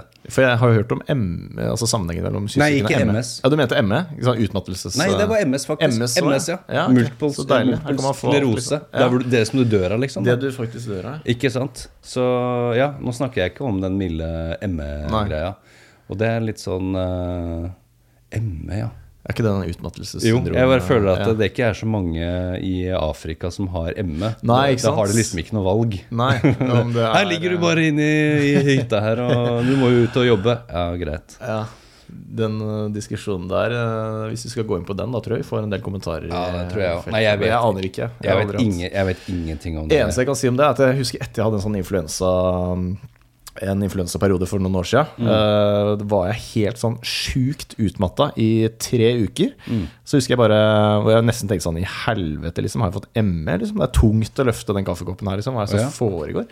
Eh, og så bare over natta husker jeg våkna en dag og hadde liksom normal energi. da bare, å, Flaks, digg, nå er jeg tilbake, liksom. Ja. Men det var ikke noe sånn der, det var ikke noe sånn der tanke at jeg tenkte meg syk. Liksom. Det er mange som Nei, tenker nei, at dette, er, dette sitter i huet. på en måte Nei. Men da tenkte jeg sånn, fy faen, det her sitter jo ikke i huet. Hvis det er dette som er MS, så er det jo legit, liksom. Ja, men herregud, jeg, tror, jeg tviler ikke på at det er noe, eh, at det er noe ekte. Jeg tror liksom med sammensetning av alle de forskjellige typer virusene vi møter på Mm. daglig, nesten, så er det jo så er det jo noe av det som må påvirke noe som vi ikke vet ja. om ennå, liksom, Ja, som bare fucker noe jævla med oss. Har du forresten sett den der Last of Us, eller? Den zombieserien? Jeg driver og ser den nå, faktisk. Ja. Det er, eh, den er dritbra. Ja, fordi de der, den soppgreia der, de får det til å De selger det veldig godt inn som noe sannsynlig som kunne ha skjedd, liksom. Med tanke på at de drar inn eh, klima og Ja, ja. global oppvarming, og at soppen da kan begynne å angripe mennesker og sånn. Og at denne soppen eksisterer i virkeligheten. Det er også sjukt. ja. Ja, ja, Ja. Det er ikke en Eh, nei, eller sånn, det er på en måte en sånn der uh, nutritional greie Ja. jeg tror du kan spise som uh, sånn supplement. Men eh, det er ikke noe du spiser som mat. Nei, ikke sant. Jeg tror Nei, derfor man kan dyrke sånn Det er vel ikke en type cordyceps, men reishi-sopp ligner veldig. Men det smaker visst ikke noe spesielt godt, da. Nei, ok. Jeg skal holde meg unna den, altså. Mhm. Men du nevnte Nå havna vi på en liten digresjon her, men du nevnte en annen film. Spurte hadde Ja, The Menu. Ja, The Menu var det. Ja, du- du har ikke sett den? Ikke sett den. Ah, jeg syns den var litt overdrevet. Nå skal ikke jeg ikke komme med noen spoilers, eller noe sånt, jeg bare lurte på om du hadde sett den. Ja, men det, det, er jo en film om liksom hele det der konseptet med fine dining og tre Ja. Michelin-stjerner og, og den slags, og gjør Ja. narr av hele det konseptet der. Da Og tar det veldig på kornet. Og den filmen er jo basert på en restaurant faktisk i Bergen. Oi. Som jeg var på i, i fjor sommer. Der burde jeg nødt til å ta en ferje ut til en holme, er det det det heter? Uh, hvor restaur restauranten er på den lille øya, da. Jeg vet ikke om det er en øy, eller hva den er for noe. Sånn sjømatsrestaurant, da. Og da var det liksom han som på en måte hadde, fikk inspirasjon til den filmen. Så at det liksom det her er en jævla sær opplevelse. Dra ut hit bare for å spise mat, liksom. Og tenk om de holder oss igjen, og de får oss til å gjøre masse sjuke ting. Så du kan se for deg liksom Battle Royale. Bare, Ja, ok. Ja, såpass, ja. Ikke helt der, men liksom litt den samme viben, på en måte, da. Det var en annen Det er en annen serie også, som jeg så sammen med dama, som ingen av oss som likte, men den har fått terningkast seks over hele linja. Hva heter denne, da? En sånn der kokk som En sånn fine dining-kokk, Michelin-kokk, The som reiser The Bear, ja! Den er jo jævla bra! Så digga du den? Den er dritbra. Ja, alle digger den. Jeg vet, hva er det jeg ikke skjønte? Det kan jo hende at det, var- er fordi Ja, er du interessert i matlaging og sånn? Jeg jeg er jo det, da. Det er jo det. Men uh, jeg syns det jeg synes det var litt slitsomt. For det var, eh, det var jo så høy energi liksom fra Det var ikke noe pause i serien. da Nei, Det var liksom bare Ja, men det var, det, det var egentlig litt det jeg likte med den, at det fikk frem det der jævla stresset Ja. i serien. I tillegg til at alt var liksom veldig sånn derre én tagning. Ja. Mange sånne lange entagningsgreier. Ja, og dialogene var var jævla bra. Det, Det var ja. det virka faktisk ut som du bare var en flue på veggen. Enig. Og så bare sto du der og bare. Hva er det som skjer her nå? Og så er det en som bare har kommet inn for å bare snu restauranten på hodet og Ja. gjøre den til noe bedre. Da. Og så er det bare hele den forvirringa rundt det. Og Ja. bare jævla bra dialoger, altså. Det er helt helt han enig. sier jo nesten ikke noe heller. Nei, nei, det er det sykeste. Men eh, altså, sånn filmteknisk og dialogene og interaksjonen og sånn, det var veldig eh, autentisk og troverdig. da Men jeg hadde ikke den der følelsen åh, nå må jeg se en til. liksom Den, den fikk jeg ikke. Nei, det holdt med Jeg følte liksom det holdt med den ene sesongen, liksom. Det holdt med det. Det var jo det var jo høy puls liksom hele Ja. Og det er en grunn til at jeg ikke liker å se på sånn Masterchef Ja. og sånne kokkeprogram, fordi jeg føler Jeg blir bare stressa. Jeg har Ja. lyst til å se på noen som lager mat, som er digg. Jeg har ikke lyst til å sitte der og stresse Nei. når jeg skal eh, liksom se noe som uh, ser digg ut, da. Eller hva tenker du om sånne typer Nei, ting? 100 Det var derfor jeg ikke likte den. da For det blei for stress da og for Ja. høyt tempo. ikke sant Ja, ikke sant. Og Masterchef også er samme, det orker jeg ikke å se på. Men du har jo også um, De videoene du lager, da Det er jo ikke stress å se på. Men det er også Du syns ikke det? sånn Nei, ikke ja, det er fordi jeg er jo jævla Ja, det er jeg rask. tenker. Det er altså jævlig tight klippa, men da oppsøker du en video fordi du har lyst til å se en oppskrift som Ja. du kanskje skal lage seinere på kvelden, liksom. Ja. Så det er kanskje greit at eh, Og så er det digg at du kommer til poenget veldig fort. da Mm. Sånn der, Det å bla i en kokebok nå, det føles veldig sånn føles litt sånn 90-talls nesten, ikke sant. Um, sånn som jeg lagde den der oppskriften din i går, da så er det jo jævlig digg å når du sier hva du gjør, i tillegg til at du ser det. For når det står i en kokebok, så kan det stå kan det stå akkurat det du skal gjøre, men så blir du fortsatt litt usikker på liksom, ok, er det hvitløk med skall eller er det Det hvitløk sant. uten skall. Liksom, hvordan ser det ut? Men når du ser det, klippa tight, og du forklarer, Det er sant. så er det ganske enkelt å følge. da Ja, jeg tror det er, men jeg tror også det er veldig mange som ser på videoene mine som ikke nødvendigvis lager videoene. Eller lager videoene, selvfølgelig gjør de ikke det, det hadde vært veldig spesielt. Men de lager ikke maten. Men de liker bare å se på det, fordi det er liksom til inspirasjon. Da, eller Ja. de føler liksom at de smaker maten gjennom meg. For Ja, på slutten så sier jo jeg Bon Aiptet, og så tar jeg en kjeft av maten. Og da tror jeg det er veldig mange som liker det å se at jeg spiser maten også. Ja. Derfor det jo, har jo kommet sånne mukbang eh, hvor folk bare sitter og spiser mat. At folk Det er sjukt. å betaler folk bare for å si, se dem sitte og spise jævla mye mat. Jeg syns det er eh, ganske Fetisj. Ja, sånn fetisj. Er, jeg syns det er litt sånn morbid. Det fordi jeg har jo sett en sånn kar på YouTube som har lagt på seg noe så inn i helvetes mye. Jeg vet ikke om du har sett han. Uh, hva heter han for noe? Et eller annet avokado. Um, Jeg vet ikke. uh, han heter et eller annet med avokado, men han var en spinkel gutt. Og nå har han blitt en skikkelig obese man. da Oi. Som uh, holder på med sånn der uh, mukbang og bare Ja. spiser og spiser. Og jeg, jeg tror Det er det som er litt sånn skummelt, da, for det med sosiale medier. Det er jo en utrolig demokratisert type plattform. Da. Du liker det du har lyst til å se, Mm. og så liker du ikke det du ikke har lyst til å se, på Nei, måte, og så får du ikke noe av det lenger. Eh, men at han da har skjønt at oi, folk liker når de ser at jeg blir tjukk, og så er liksom, spiller han videre på det, og så på en måte er, fører, fører det videre til en sånn slags selvdestruksjon. Da. Og jeg ser jo det med Jeg vet ikke om du har sett Vet du hvem Oskar Westerlin er? Ja, ja. Ja, han, jeg føler litt jeg, jeg, jeg er litt bekymra for han. Ja, nå har jo dama, de, eh, dama hans og han har gått fra hverandre. Jævla ålreit dame, forresten. Eh, veldig hyggelig. Jeg har ikke fått prata noe særlig med, men hun virker veldig ålreit. Og jeg bare, at, jeg bare ser at han Oskar blir mer og mer ekstrem. Da, og jeg bare lurer på er det her fordi du vil bli mer ekstrem? Mm. Eller er det på en måte som en sånn slags kolosseum-greie? Sånn der eh, Ja, ja. eh, tommel opp eller tommel ned? Liksom at du følger på en måte litt det folk har lyst til å se. da At du blir litt sånn gesture, og du gjør det ikke nødvendigvis for din egen del. Men for han eh, Jeg bare kjenner så vidt til ham, han er YouTuber, ikke sant?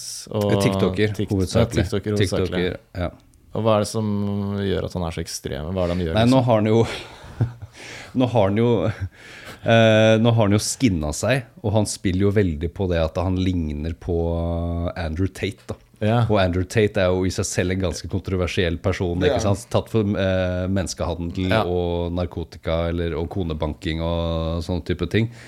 Og Sist jeg leste noe, så var det noen som hadde funnet 800 dildoer i leiligheten hans. eller noe sånt nå. Så han driver sikkert noe salg av dildoer av en eller annen grunn. Eh, men uh, at det er liksom disse unge guttene som ser opp til Andrew Tate. da. Og Ja. selv om uh, Oscar Westerlin gjør dette på en litt sånn der um, Ironisk. ironisk kanskje. måte, ironisk distanse, så er det ikke nødvendigvis det at de unge forstår det. Nei, ok. Um, For han har en ung målgruppe, liksom? ja, han har en relativt ung uh, målgruppe. Han har jo noen eldre også som skjønner, skjønner at det bare er piss, og at det er gøy å liksom på en måte trolle litt. Så jeg mener at du troller. Um, men jeg vet liksom ikke jeg, jeg, jeg vet liksom ikke helt hvor det kommer til å ta slutt. Ikke sant? Jeg, Nei, jeg bare føler at altså, det her uh, det blir bare mer og mer ekstremt. Ja, og det er en sånn sånn fasade. spiral, ja, har du hørt om uh, Huntress Thompson? Nei? Han som skrev Fear and Loading. Har du sett Fear and Loading-filmen? Med Johnny Depp og Nei, du har ikke sett den? Okay.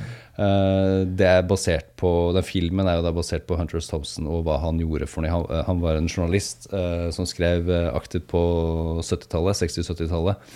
Og han starta liksom gonzo-journalistikk, hvor han på en måte involverte seg i journalistikken. Så han tok dop og var til stede på ting, og så på en måte beskrev han det ut ifra sitt ståsted mens han var ruspåvirka. Så det han skulle egentlig dekke, fikk ikke så mye fokus, men det var mer det hvordan han opplevde situasjonen som fikk fokus da det ble til Gonzo-journalistikken. Men han eh, ble jo etter hvert Han eh, lagde seg et alias. Så han kalte seg for Dr. Gonzo. Doctor of Journalism. Han var ikke noe, hadde ikke noe doktorgrad i journalistikk, eller noe sånt noe. men han drakk ekstremt mye, og han ble mer og mer det alter egoet, på en måte. da. Ja. Og da han var 67 år gammel, så skøyt han seg selv eh, med okay. hagle. da. Ja. Fordi han sa nei, nå har jeg bare blitt en gammel grinebiter. Nå jeg har blitt eh, eh, jeg er 50 år for gammel, liksom. Han, han drev og snakka om at han hadde lyst til å ta livet sitt da han var 27, da, sånn at han ble en del av eh, tw- eh, 27 Gang, ikke sant? Ja, okay, med Jimi ja. Hendrix og Jim Morrison og disse folka her. Kanskje han Men- var syk fra før, da. ja, ikke sant. Om han hadde noe Om han var bipolar eller noe, det vet ikke jeg, men at det var liksom den derre At han etablerte et slags eh, Et alter ego som på en måte til slutt eh, De linjene mellom alter ego og hans eget selv ble liksom Viska visk- ut, viska ut. Og han klarte ikke å skille mellom det, ja. og til slutt så var han bare en alkis. da Ja. En gammel alkis. Og det er litt sånn deprimerende. Og jeg er bare sånn redd for å se at noe lignende kan skje f.eks. med Oscar. Derfor jeg vet at drikking er en stor del um, Stor del av den underholdningen. Da. Selv om han Ja. ikke gjør det på fritida. Nei. Eh, så har jeg også Har du hørt om uh, muskelbunten? nei, faktisk ikke. Men uh, hva er det? Nå er jeg veldig inne i sånn TikTok-rant Ja, ja. her. Hele TikTok Ja, jeg er ikke på TikTok. Jeg skal på TikTok. Nei, så jeg ikke må lære Nei, ok, Du jeg skal ikke gjøre det. Nei, du, du må nesten det hvis du skal få ut uh, den uh, podkasten her. Uh, problemet er bare at da kommer du til å bli sittende veldig mye og, og se hva TikTok mater deg. ikke sant? Det som er litt ironisk, er at TikTok er kanskje den appen jeg bruker minst. Er det det? faktisk. Ja. Jeg har brukt den utrolig mye før, men jeg har, litt, jeg har blitt mer oppmerksom eh, på algoritmer på en måte, og hvilke videoer de velger å, å vise. Så jeg prøver på en måte å ikke være der mer enn nødvendig. Ja. Laste opp en video, kanskje se et par videoer bare for å se hva som, de første videoene er som det viser meg, og ikke gå noe lenger inn i det. Nei, nei. Da blir jeg sittende, plutselig går seks timer, ikke sant? så har du sittet hele dagen. Ja, det er helt sjukt. Det er helt sjukt. Uh, nei, men han der muskelbunten fra TikTok Nå sitter jeg bare og snakker skit om folk fra TikTok. Nei da, men uh, Espen, det går helt fint. Altså. Det er en, ikke noe, du er en jævla hyggelig type. Um, nei, men jeg så at han hadde lasta opp en video nå hvor han sa han skulle Hvis den videoen her får 30 000 likes Han er en boler, da. En svær boligtype. Får den videoen her 30 000 likes, så skal jeg gå gjennom kjøpesenteret i en sånn ro- rosa tangatruse eller noe sånt. Ja. Og da får du selvfølgelig 30 000. Og jeg, jeg vet ikke om du har sett den uh, Idiocracy-filmen? Uh, jo, Idiocracy, Idiocracy har jeg sett, ja. Ja, At i fremtida så er liksom all underholdningen er bare sånn kjempeenkel underholdning. Da, Ja. Sånn derre eh, tjukke folk som, uh, som faller og slår seg. Bare sånn kjempeenkel uh, Ja, så- greie. Eller var det i Black Mirror? En andre Jeg, episode? hørte hvert fall, jeg måtte tenke litt sjøl. Bare Idiocracy hørtes jævla sint ut. Eller har du sett Black Mirror? Black Mirror har jeg sett. Ja, andre ja. episoden av Black Mirror, eksempel. Ja. De er De har hver sin bås Ja, ja. Sant, som de bor i. Jeg føler den er ganske representativ for hva som kommer i fremtida. Fordi individu individualisme står ganske sterkt, så alle sammen på en måte bor separat. Man får aldri vite om det er et fengsel. Selv om det virker som et fengsel, så har det liksom et vindu i gangen ut til uh, naturen. Ja. Uh, Så det virker jo som de har mulighet til å kanskje liksom gå ut, men de har ikke noe grunn til å være der. Fordi det er bare wilderness. ikke sant? Hva skal de gjøre der ute? Alt som er trygt og bra og mat og sånt, har de der inne. da. Og folk er jo så opptatt av å bevare miljøet, så da hadde de tydeligvis fått til det. Men da er det sikkert sånn Nei, ikke gå ut, liksom. Da skader du miljøet. Det, liksom, eh, det ble jo aldri sagt eksplisitt, men jeg føler liksom vi er litt på vei i den retningen der. At liksom vi blir bare mer og mer isolerte. isolert. da. Og i den serien der så var jo det ble jo det uh, hypet opp, det med liksom self-deprecation, eller sånn uh, Litt sånn som det med Hvis du skader deg selv, så får du liksom likes for det, da. ja. På en måte. Er Sånn som hun dama som eh, ble voldtatt og dopa ned i den episoden. Og så ble Ja. det hun som var på talentshowet, og da ble hun en stor stjerne. Var det Black Mirror? Det var Black Mirror. Og han som ender opp med å true med at han skal ta livet sitt. Ja. Og da fikk han mye sympati og masse likes, og da sier folk og produsenter ja, men herregud, du må jo få masse penger for det her. Liksom. Det er jo, folk har jo lyst til å se deg true med å ta livet ditt, og så ender han jo på slutten med å bare late som han tar livet sitt klokka Ja. seks hver eh, fredag. Nå skal jeg ta livet mitt! faen, det er så mye Jeg husker bare han der statsministeren som måtte knulle den grisen. Ja, som, var live, som første episoden, kanskje. Ja. Ja. ja, den er også jævla bra. Det er mørkt, ass. Ja, jævla mørkt. Ja, Black Mirror, vet du hvor det ordet kommer fra? Eller den, eh, hva det betyr? Det betyr når telefonen går tom for strøm, så ser du refleksjonen av deg selv Ja. i telefonen. da. Så det er det sorte speilet. ja, shit. Ja, det Og det er, det er her du tror vi er på vei, liksom? Om, uh... Jeg tror uh, akkurat den andre episoden til eh, Black Mirror Det er liksom noen ting som ikke er helt riktig, som f.eks. alle disse skjermene som dekker hele rommet. Jeg tror vi blir litt mer sånn Ready Player One-aktig. At vi tar på VR-briller og på en måte lever oss litt mer inn i det, enn at det er skjermer på alle veggene, liksom. Fordi det, de hadde jo ikke, det var jo ikke noe snakk om noe VR eller noe sånt. Noe nei, det begynner å bli gammelt. Det er jo ti år eller sånt siden de Mm, ja, ikke sant? Men jeg tror VR er eh, de folka som ikke har troa på VR. Ja, så jeg, Det er jo Mark Zuckerberg sitt prosjekt, da, dette metaverset. Hvor Ja. folk kan se for seg at folk skal gå ut med VR-briller og leve livene sine virtuelt. da, på en måte. Mm. Og jeg, jeg må innrømme at jeg sliter litt med å liksom se den.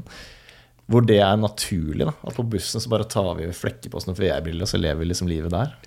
Ja, ja, om det blir eh, Om man ja, om man gjør det kanskje på bussen, det vet jeg ikke. fordi da har du eh, eh, lett bytte for noen som skal rane deg. ikke sant? Eller hvis du er på flyplassen. ikke sant? Så det er jo kanskje greit å ikke gjøre det til offentligheten. Men da har du i hvert fall muligheten til å ta med deg kontoret overalt, underholdning overalt, og på en måte føle at du har din egen eh, private space da bare ved å ta på deg Ja, ikke sant? Det blir sånn her, eh, headphones da, bare for øya. liksom. Ikke At sant? Du kan deg litt Du kan sånn, se deg rundt Ja. og liksom sitte på fly og ta på deg eh, VR, så ser du liksom ut og du, du kan være hjemme i leiligheten din, eller Ja, hva søren. Og den teknologien, den blir den kommer til å bli så bra de kommende årene nå. Det er helt insane. Ja, det, det er helt på. insane. De nye Oculus-brillene som har kommet nå, har du sett de? Ja, jeg har ikke prøvd Oculus, det. Oculus Pro. Du, scan, du kan skanne ansiktet ditt, og så bruker du deg selv som avatar. Så jeg kan sitte og snakke med deg sånn som det her nå, og så kan Ja. du ikke skille mellom det som er digitalt og ikke. da. Det er sjukt. Det er ganske sjukt. Men da skjønner jeg nytteverdien. Fordi jeg har liksom slitt med liksom, Ok, hva er nytteverdien her. på en måte Men hvis jeg kan da ha en podkast Hvis du hadde bodd i Tromsø, da på en måte Ja. og så kunne du vært et type hologram, eller jeg hadde tatt meg VR-briller, og så hadde jeg sett deg som om vi satt her, da Mm. Ja. på en måte med god lyd, da er det jo fett. Ja, men det er, det, det er det, er der jeg tror vi er på vei. Altså, Ja, Og det skjer ganske kjapt. Det, den teknologien fins allerede. Og du kan se for deg fem år frem i tid. Bare fem år liksom frem i tid. Ja, ja, Tenk deg for fem år siden. Liksom. Det har skjedd mye med chat GPT nå. Og Ja, ikke sant? Nå kommer sånn Google nettopp med sin Ja, ja, egen. men Bard leste jeg, som Ja. er en, eh, en utfordrer, da. På en måte. Ja, det er crazy greier. Ja, men vi er jo på vei mot uh, the singularity, altså. Det Ja, ja. det. De mener jo at det er i 2045, og det er jo før det, tror jeg. 2000. Hva, the singularity, hva skjer da? Singularity. Da kommer eh, AI til å bli så avansert at de ikke har behov for mennesker.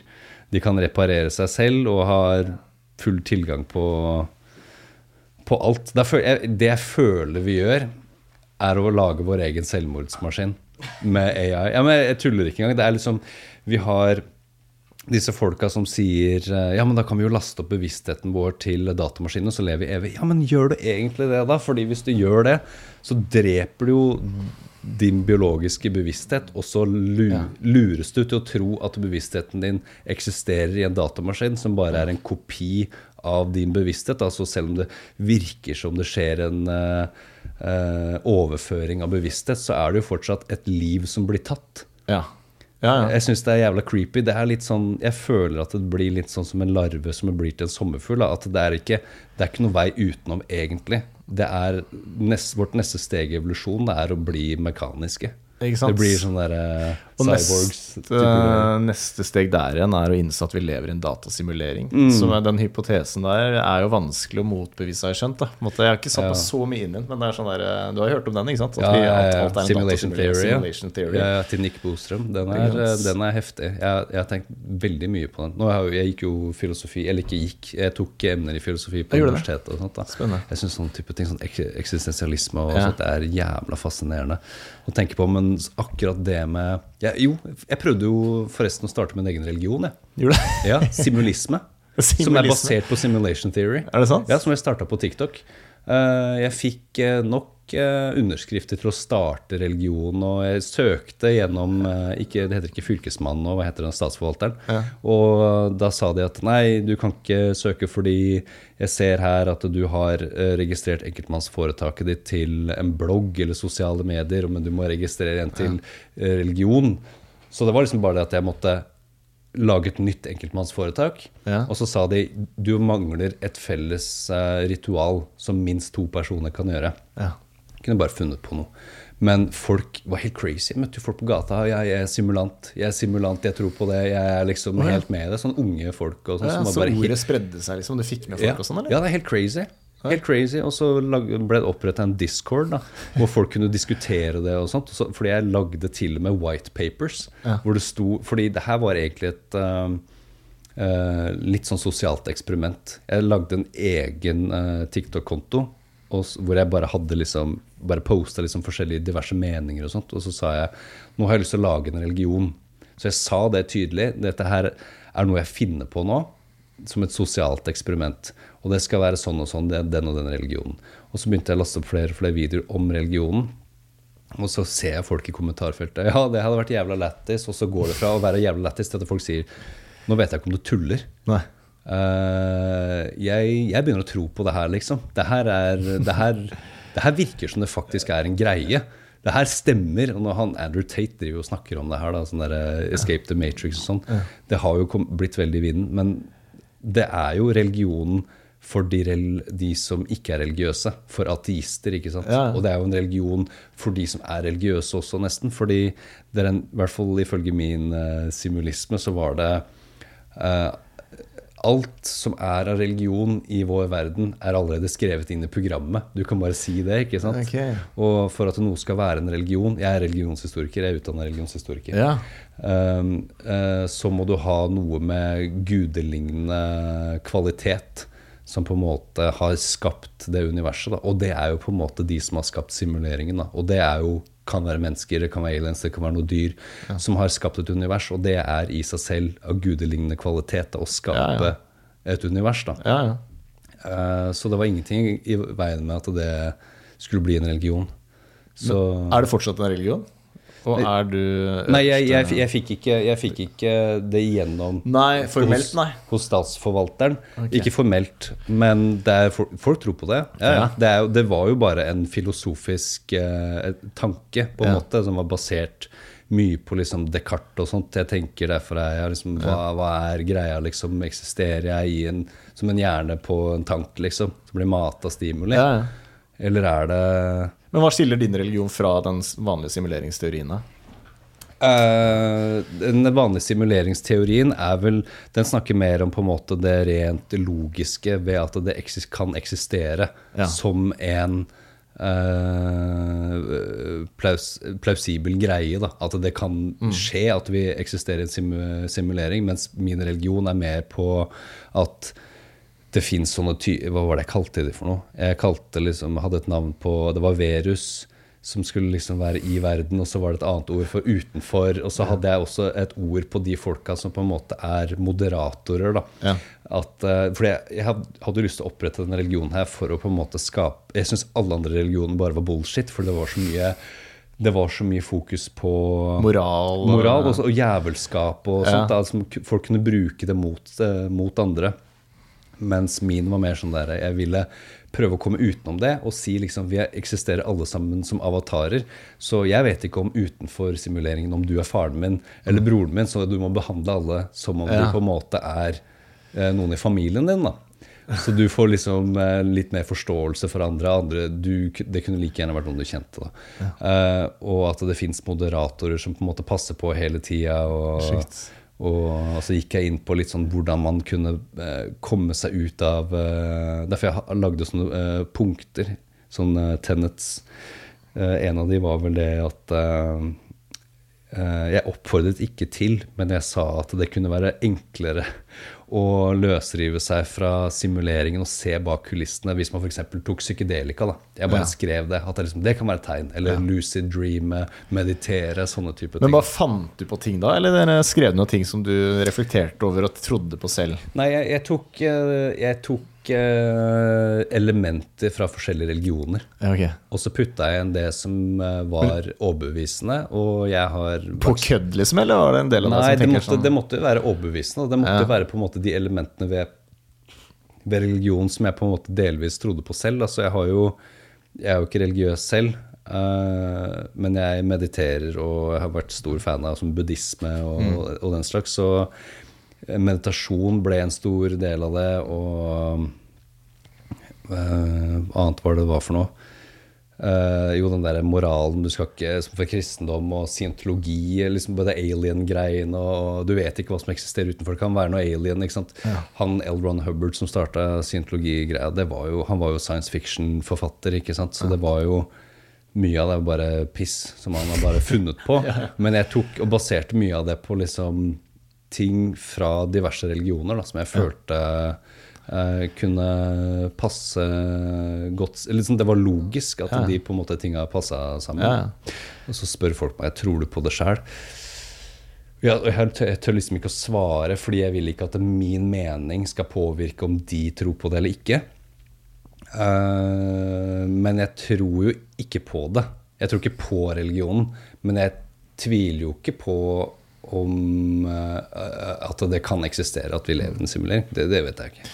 Jeg synes det, altså, Sånne eksistensielle spørsmål er jævlig spennende. da. Men jeg, når jeg har hatt en del episoder om verdensrommet og Big Bang og liksom eh, opprinnelsen. ikke sant? Det bare tenkes at, eh, at universet er 13,8 milliarder år gammelt. da, ikke sant? Og hva var det som var før Big Bang? ikke sant? Og da klarer ikke forskerne å gi noe ordentlig svar. da, ikke sant? Det er En teori at det var, tid fantes før, mens andre mener at tid oppsto da det smalt. på en måte. Ja. Og det konseptet med evighet, da, at tid alltid vil eksistere og alltid har eksistert, eller at det har en, altså Alle de konseptene er helt sånn ubegripelige. da, Det er helt crazy. Og det er så sjukt at sånn science fiction altså Man trenger jo egentlig ikke science fiction, for det er virkeligheten Vi skjønner jo ikke den heller. Den er jo mer fucka enn den sjukeste sci-fi-filmen du noen har sett. ikke sant. Det er faen meg sant. Du, faen, jeg fikk en helt sjuk tanke her når vi snakka om singularity. Ja. Som jeg kom på, jeg har ikke lest det her noe sted. Uh, det er en, uh, uh, et tankeeksperiment her litt, fordi det er snakk om um, singularity og at vi lever i en simulering. Og jeg tenkte, du, du har sikkert fått en følelse av at hvorfor ser jeg det jeg ser? Hvorfor har jeg min bevissthet? Og da er det sånn, ja selvfølgelig, det måtte jo, Bevisstheten min måtte jo eksistere i én person. Det kunne jo ikke eksistert i flere samtidig. liksom. Det måtte jo bare tilfeldigvis vært min. Men jeg opplever livet mitt fra mitt perspektiv. ikke sant? Jeg kan jo ikke oppleve fra noens, noen andre sitt. Uh, og da kommer jeg til å tenke på det med at eh, det er en forsker som mener at the singularity kommer til å skje nå innen Husker ikke hva han heter for noe. Det var innen eh, 2045, da. Noen mener at det til og med er tidligere. Uh, og at uh, jeg tenker at tenk om jeg eksisterer nå fordi jeg skal nettopp være vitne til overgangen til the eh, singularity. Så det er på en måte som en slags slags research-greie, så man, folk går tilbake i tid for å liksom se hvor gikk vi feil, liksom. Hvor Ja. gikk det galt? Eller, eller om det er en mer sånn observasjon, da. At det er sånn her, som en turist som går tilbake. Sånn her var overgangen. Ja. Se hvordan det var når AI begynte å ta over. Ja. Og på en måte få oppleve den prosessen fra én person sitt perspektiv. Ja, ja. Så fremtids-deg, på en måte? Kan... Ikke nødvendigvis fremtids-meg, men eh, jeg utenfra okay. kan eh, Om jeg lever i år eh, 5000 eller 10 000 eller hva det er for noe, som på en måte kan gå inn i bevisstheten eller kroppen til noen, da, Mm. og på en måte oppleve det, eh, den overgangen, Sjukt. via bare en person, da. Skjønner jeg mener? Ja, jeg tror det. Ja, Det blir som på en måte å spille et spill. da Du Ja. går inn i et spill, og det spillet her handler om overgangen til singularity. Ja. Og så spiller du fra én person, bare som et helt liv. da Ja, ja. Også, ja Men tror du det er mer sannsynlig enn eh, enn å tro på Altså enn å tro på eh, at det ikke er noe mer? da At det ikke er noe simulering eller det er ikke noe religion. Det er, sånn, det, er bare, det er bare naturen som ja, For å være helt ærlig, så håper jeg når jeg dør, at det ikke skjer en damn shit. Jeg tror jeg, jeg håper alt, alt blir svart. Fordi det skumleste jeg, tanken jeg har, er evighet, liksom. Ja, ja. Å eksistere uendelig. Evig.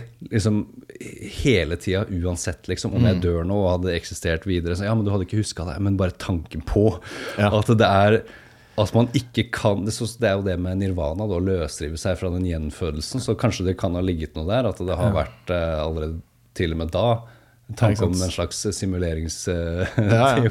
ikke sant? Ja, faen, det er, det er så sjukt. Men eh, det er jo sånn tre Jeg tror det er tre hypoteser om hvordan universet ender. da Eller var det to? Det er i hvert fall en, en går ut på at eh, universet imploderer inn i seg selv. ikke sant? Så hele universet Det er bare motsatt av Big Bang, da, bare at det imploderer, og så kommer det et nytt Big Bang. Og så går det sånn uh, i sykluser. da Så det oppstår stadig nye universer ikke sant? når livsløpet er ferdig. Det andre er jo at uh, universet fortsetter å utvide seg i evigheten. Og det som skjer da, er at energi til slutt vil dø ut. Altså på et eller annet tidspunkt om 100 000 milliarder, eh, milliarder, milliarder millioner år, så er det ikke noe mer eh, energi i universet, på en måte. Det er bare dødt materie. Den tanken der synes jeg er, den er verre enn at det gjenfødes, da, på en måte. For da er, det- da er det ikke noe mer, da.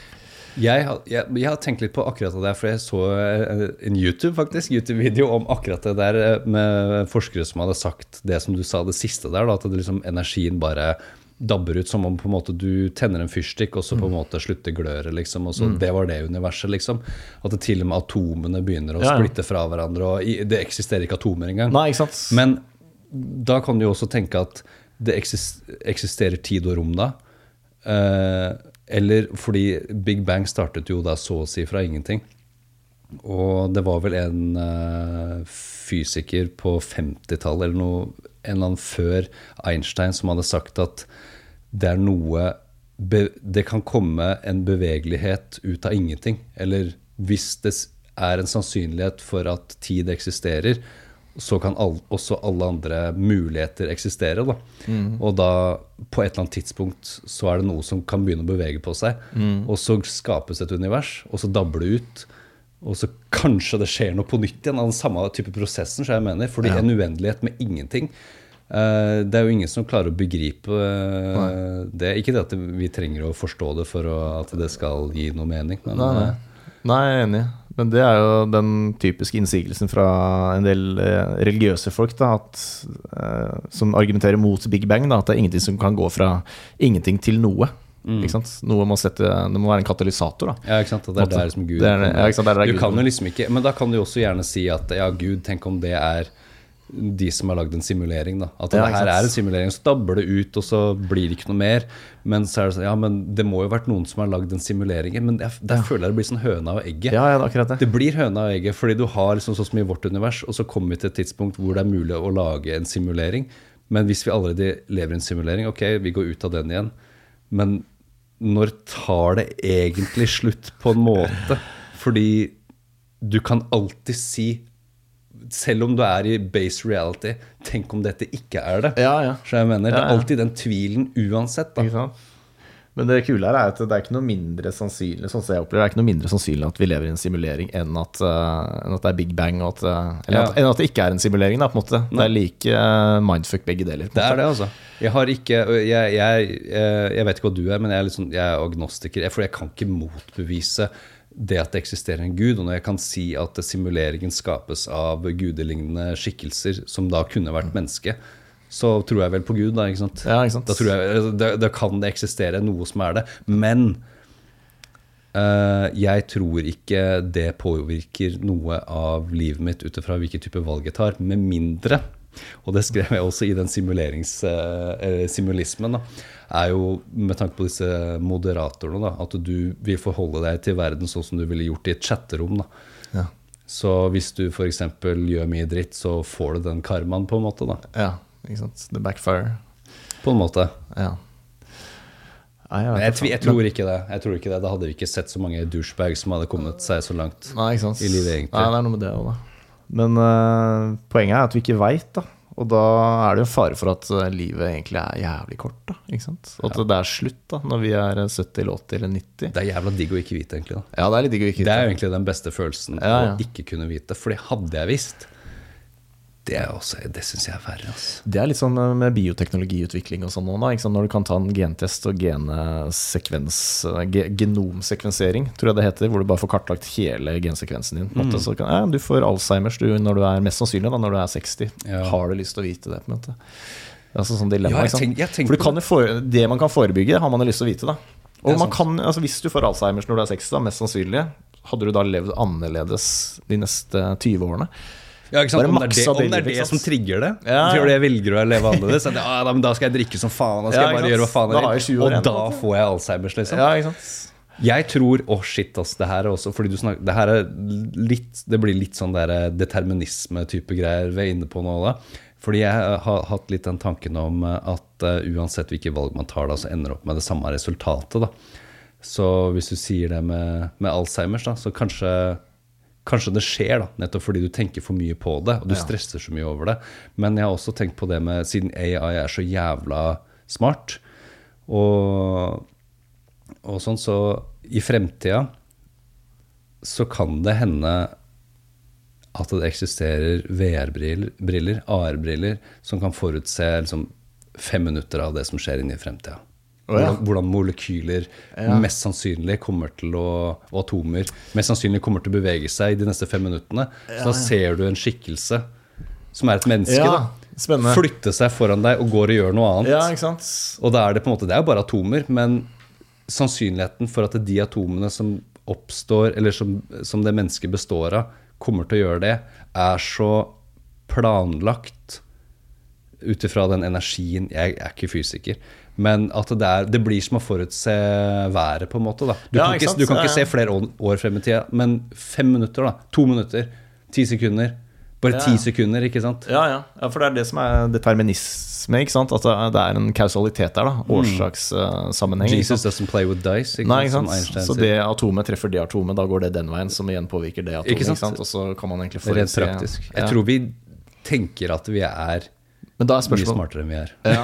Men uh, tenk om tilfeldighet er en sånn grunnleggende del av verden vi lever i. Jeg håper jo det. da Jeg håper jo egentlig det, at man ikke kan forutse fremtida. Nei, ikke sant? At Hvis vi da zooma tilbake til Big Bang, da, da det smelt på nytt, så hadde det sett annerledes ut. ikke sant? Ja. Selv om utgangspunktet var kliss likt. Men at tilfeldighet er en sånn grunnleggende del av Uh, Ja. Hvis vi lever i et multivers, at alle de universene faktisk ser helt ulike ut. da Ja.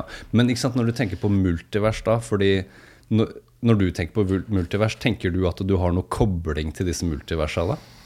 Nei, ja. Men det er jo en teori som Er ikke det en teori som at det fins uendelig med multiverser og uendelige versjoner av oss to? da, ikke sant? Så det fins Ja. en annen Men er det deg? Det er det som jeg lurer Ja, på. Fordi det er jo et annet univers. Ja. Men det er jo, Eller en annen planet, men det er jo ikke deg. Nei, da tenker jeg at det ikke er meg. ja. Nei, ikke sant, det er akkurat det. Det er en Kane som har Det er akkurat det. Og den, det som er så jævla unikt, og som ankrer meg veldig, er å vite at det jeg opplever nå, kan ikke skje uendelig antall ganger samtidig. Fordi denne bevisstheten jeg opplever nå, Mm. er unik på en tidslinje. Så jeg mener. Ja. Om den tidslinjen er uendelig, så er i hvert fall jeg her til stede nå i dette øyeblikket. Og jeg har tatt denne plassen på den tidslinja. Så jeg mener. Ja, ja, skjønner.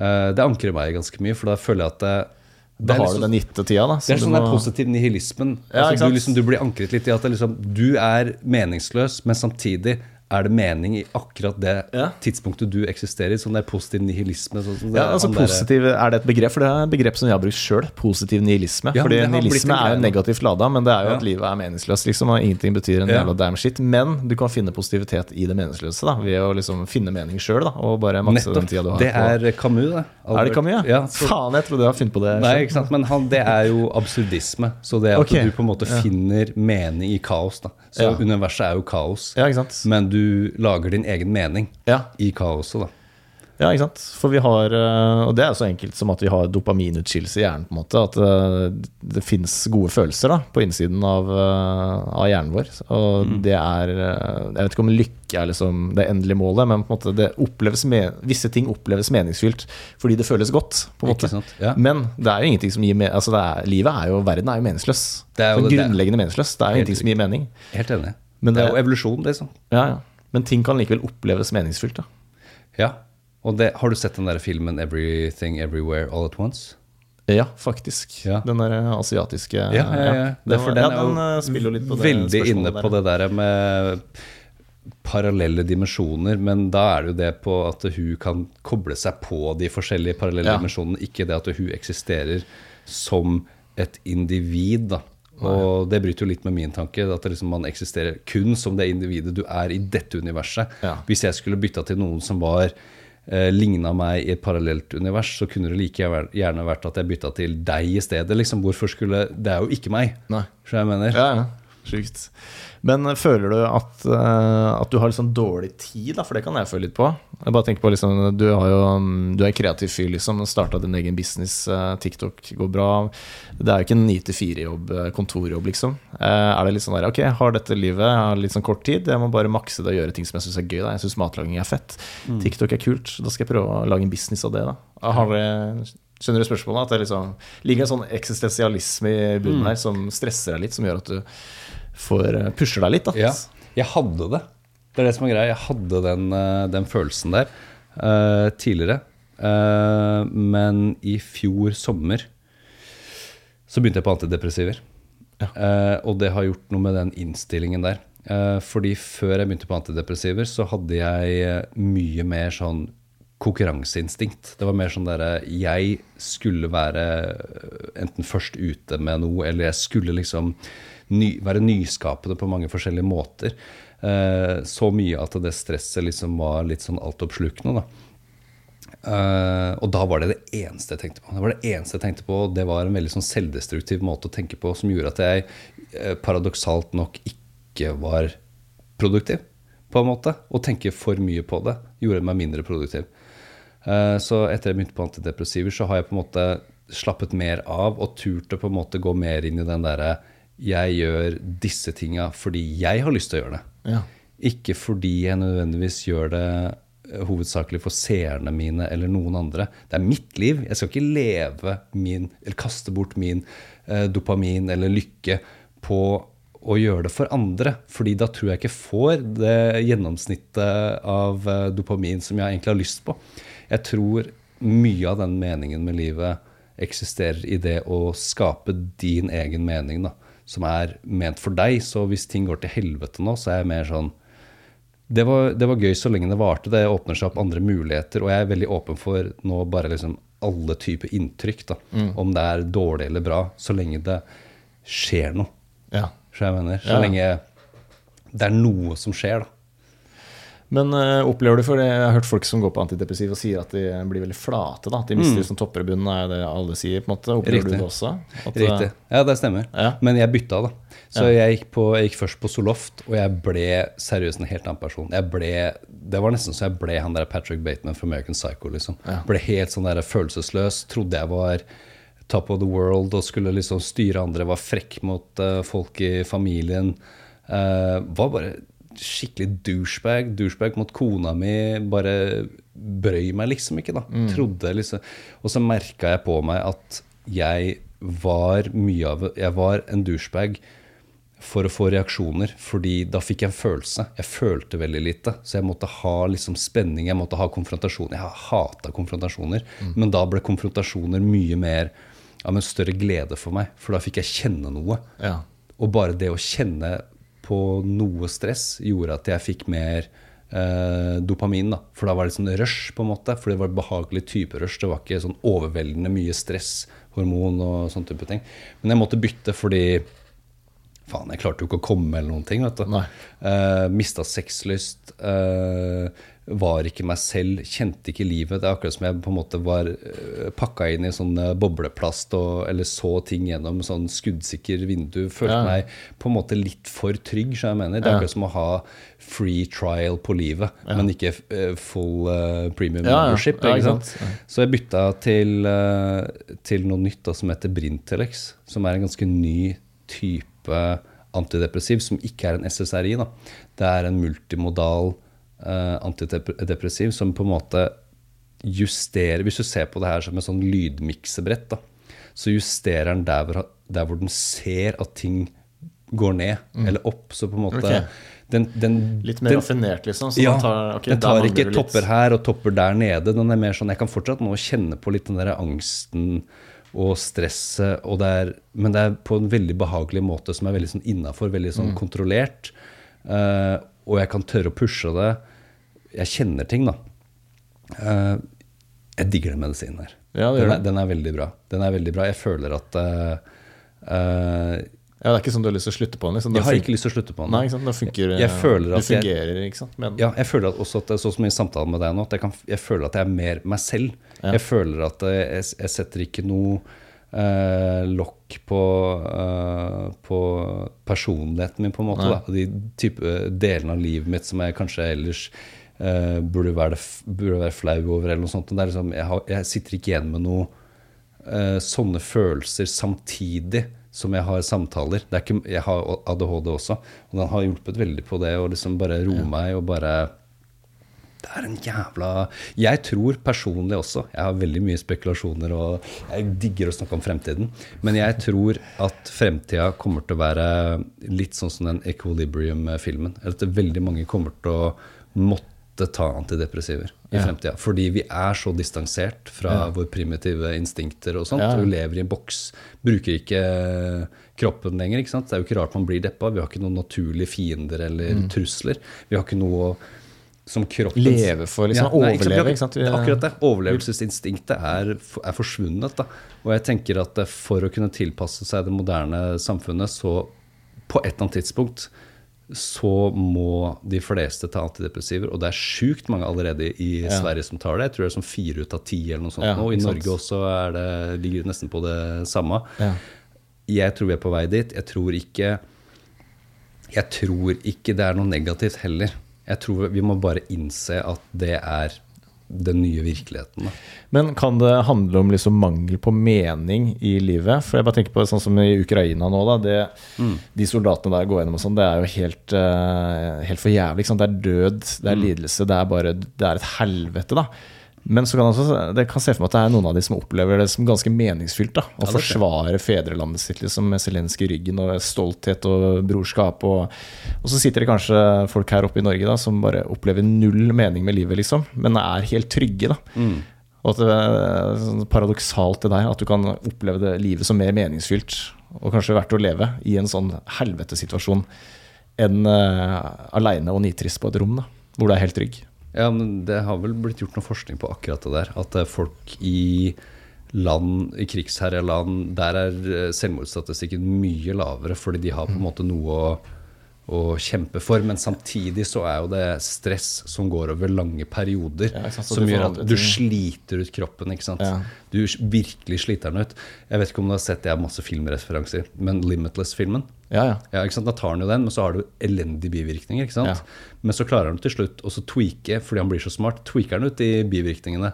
Og jeg tror det er litt der vi er på vei nå med antidepressiver, at til slutt så er det mye mer fordelaktig å ta antidepressivene enn å ikke ta dem. Det er et interessant perspektiv, for det, det har jeg aldri hørt før. For alle snakker jo om at det er liksom, man må altså, Det er ikke noe mål i seg selv å gå på medisiner, liksom. Man må komme seg av det. Jeg tror det er eh, uunngåelig, eller ja. det er eh, med tanke på hvor mye vi distanserer oss fra ting, og eh, ikke minst nå med tanke på hvor mye hvor mange av jobbene våre som blir overtatt av roboter og sånt, som ja. kommer til å skje i fremtiden. Folk kommer til å sitte der og bare Hva skal vi gjøre? Jo, du kan, du kan være med familie og dele opplevelser og sånne type ting. Altså, jo, det er, det er greit nok, det, men på et eller annet tidspunkt så blir du bare litt sånn derre hva, hva, hva skal jeg gjøre? Liksom, jeg, jeg er stressa. Det er liksom ikke noe Jeg har ikke funnet noe mening med noen ting. Jeg kan reise, men det gir meg ikke noe, liksom. Ikke? Eh, så antidepressivene på en måte jo, jeg, Det jeg følte at det gjorde meg veldig. Og i kombinasjon med kognitiv terapi og, Ja. og meditasjon, da, som gjør at jeg setter mye mer pris på eh, øyeblikket. da Ja, ja. Mindfulness og sånt. Å være til stede. Men eh, så jævlig bra, da. Da har vi funnet en medisin som funker, og liksom det Virkelig. funker. Og det er liksom, Ja, det er jo en ny suksess. medisin også. Ja, Det, er, det, har, det har jo, han Legen sa jo det til meg, at det her, alle, disse andre pasientene som har fått det, har liksom bare sagt det her kan aldri slutte på. Det her er det beste. Liksom. Men hva heter det hvis det er folk som hører på som uh... Brintelix. Til, Brintelix. tror jeg det heter. Brintelix? Tilix eller Telix. Aldri hørt om. Brintelix. Nei, ikke sant. Det er en ny type medisin som eh, den er, eh, hvis, du, hvis du sliter, så må du selvfølgelig snakke med legen først Ja, ja. Uh, om det. Men om det. Zoloft har fått jævla mye kritikk for alle de negative bivirkningene og sånt. Og det kan, sant, du kan jo bli suicidal. Mm. Ja, ikke sant. Ironisk nok av den slags type medisin. Men akkurat den medisinen her, jeg føler at det er en grunn til at det er kommet en ny en som funker på en annen måte, nettopp pga. disse her andre dårlige bivirkningene. Og du har ikke noen bivirkninger mer, eller? Annet enn at du merker litt sånn Jeg har merka og jeg, har, eh, jeg har litt mindre sexlyst, men jeg klarer å komme, liksom. Uh, og det er ikke det at jeg ikke har sexlyst. Det er bare det at det, det er ikke overveldende mye, sånn som det er å være en mann og alltid tenker på sex. Og jeg har jo ADHD i tillegg, så det er liksom bare døyva det litt. sånn at det er liksom sånn Jeg har liksom skjønt det er ikke det viktigste i livet. Det er ikke det viktigste. Det, liksom, det fins andre ting. Det er et gode, det òg, samme som å spise god mat. Men liksom det å finne mening i på en måte de tinga du gjør. da. Gjøre ting, om du har en hobby, eller om du Dialogene, sånn samtalen som vi har nå. da, liksom De tinga som på en måte skaper litt sånn andre ringvirkninger. Ja, ja. Så bra. Så du føler deg som en egentlig bedre Mye bedre. menneske nå Mye enn før bedre. de pillene? Mye bedre. Men altså det, altså det er jo det er jo snakka i hjel om, da, men dette med liksom skjermbruk og eh, sånne ting. Og jeg er litt sånn ambivalent nå, for nå har jeg lyst til å gå på TikTok. da Eller jeg har ikke lyst til å gå på TikTok, men jeg føler at det er taktisk lurt da for å spre ordet litt og liksom få litt views og litt flere Å, faen, nå fikk jeg krampe i låret. Å, helvete! Det går fort. Det er bivirkning da det derre Nei da, jeg har faktisk aldri fått noe krampe i låret. Etter jeg begynte Kom den så jævla brått? Jeg trodde du var, det, Nei, det var i låret. Åh, Ja, jeg kan vente. det, var ikke, det var ikke sånn Du kan reise deg og tøye, da, hvis du vil. Nei, det kunne vært verre. Jeg tror jeg har drukket litt lite vann i det siste. Ja, ok. Sitter den, eller? Ja, det går bra. Sånn. I låra, det er det verste. Ja, ja. Nei, hva var det du sa for noe? Nei, for jeg har vurdert å kjøpe meg sånn uh, dumtelefon, da, ikke sant? som veldig mange andre også vurderer, men aldri gjør. da. Sånn eh, 3210, liksom? 3210 eller et eller annet som bare Skulle gjerne hatt Messenger, faktisk, for der kommuniserer jeg en del. Men bare Messenger, da. Og ikke noe uh, Insta, TikTok, de greiene der. Og så føler jeg liksom sånn som nå, som jeg rigga opp uh, kamera og sånn. Prøver å filme den her for første gang, legge ut på TikTok. Veit jo at jeg kommer til å bruke jævlig mye tid på den der uh, appen der. Uh, og jeg veit jo at det ikke er bra. For jeg veit jo med meg sjøl Sånn som jeg har sletta Instagram nå. Laster den ned når jeg promoterer podkasten. Men det er så jævlig digg å ikke ha tilgang til Insta-appen i lange perioder. Jeg opplever det som veldig Som at det gjør livet bedre. da Eh, og særlig fordi jeg ble, blir så blasert av alle de memesene. Jeg syns memes er humor, og det er gøy. Eh, men når du har bladd gjennom 100 000 reels og memes, så er det ikke morsomt lenger. Nei. Men så opplevde jeg at når jeg ikke har, da, ikke har Insta på fire uker, da, og så laster jeg den ned for å promotere podden, og så scroller jeg en time, da er det plutselig jævlig gøy igjen. Da, mm. da ser jeg masse greier jeg ikke har sett, og så er det sånn masse dopamin, og så sletter jeg appen igjen. Ja, ikke sant? Jeg har også hørt at det å bare scrolle gjennom Instagram på, på laptop eller datamaskin er lurere, for da blir du liksom Du blir ikke like avhengig av å sitte og scrolle på en datamaskin som du gjør på telefonen. Nei. Den kan du ikke ta med overalt heller, på samme måte. Nei, akkurat det.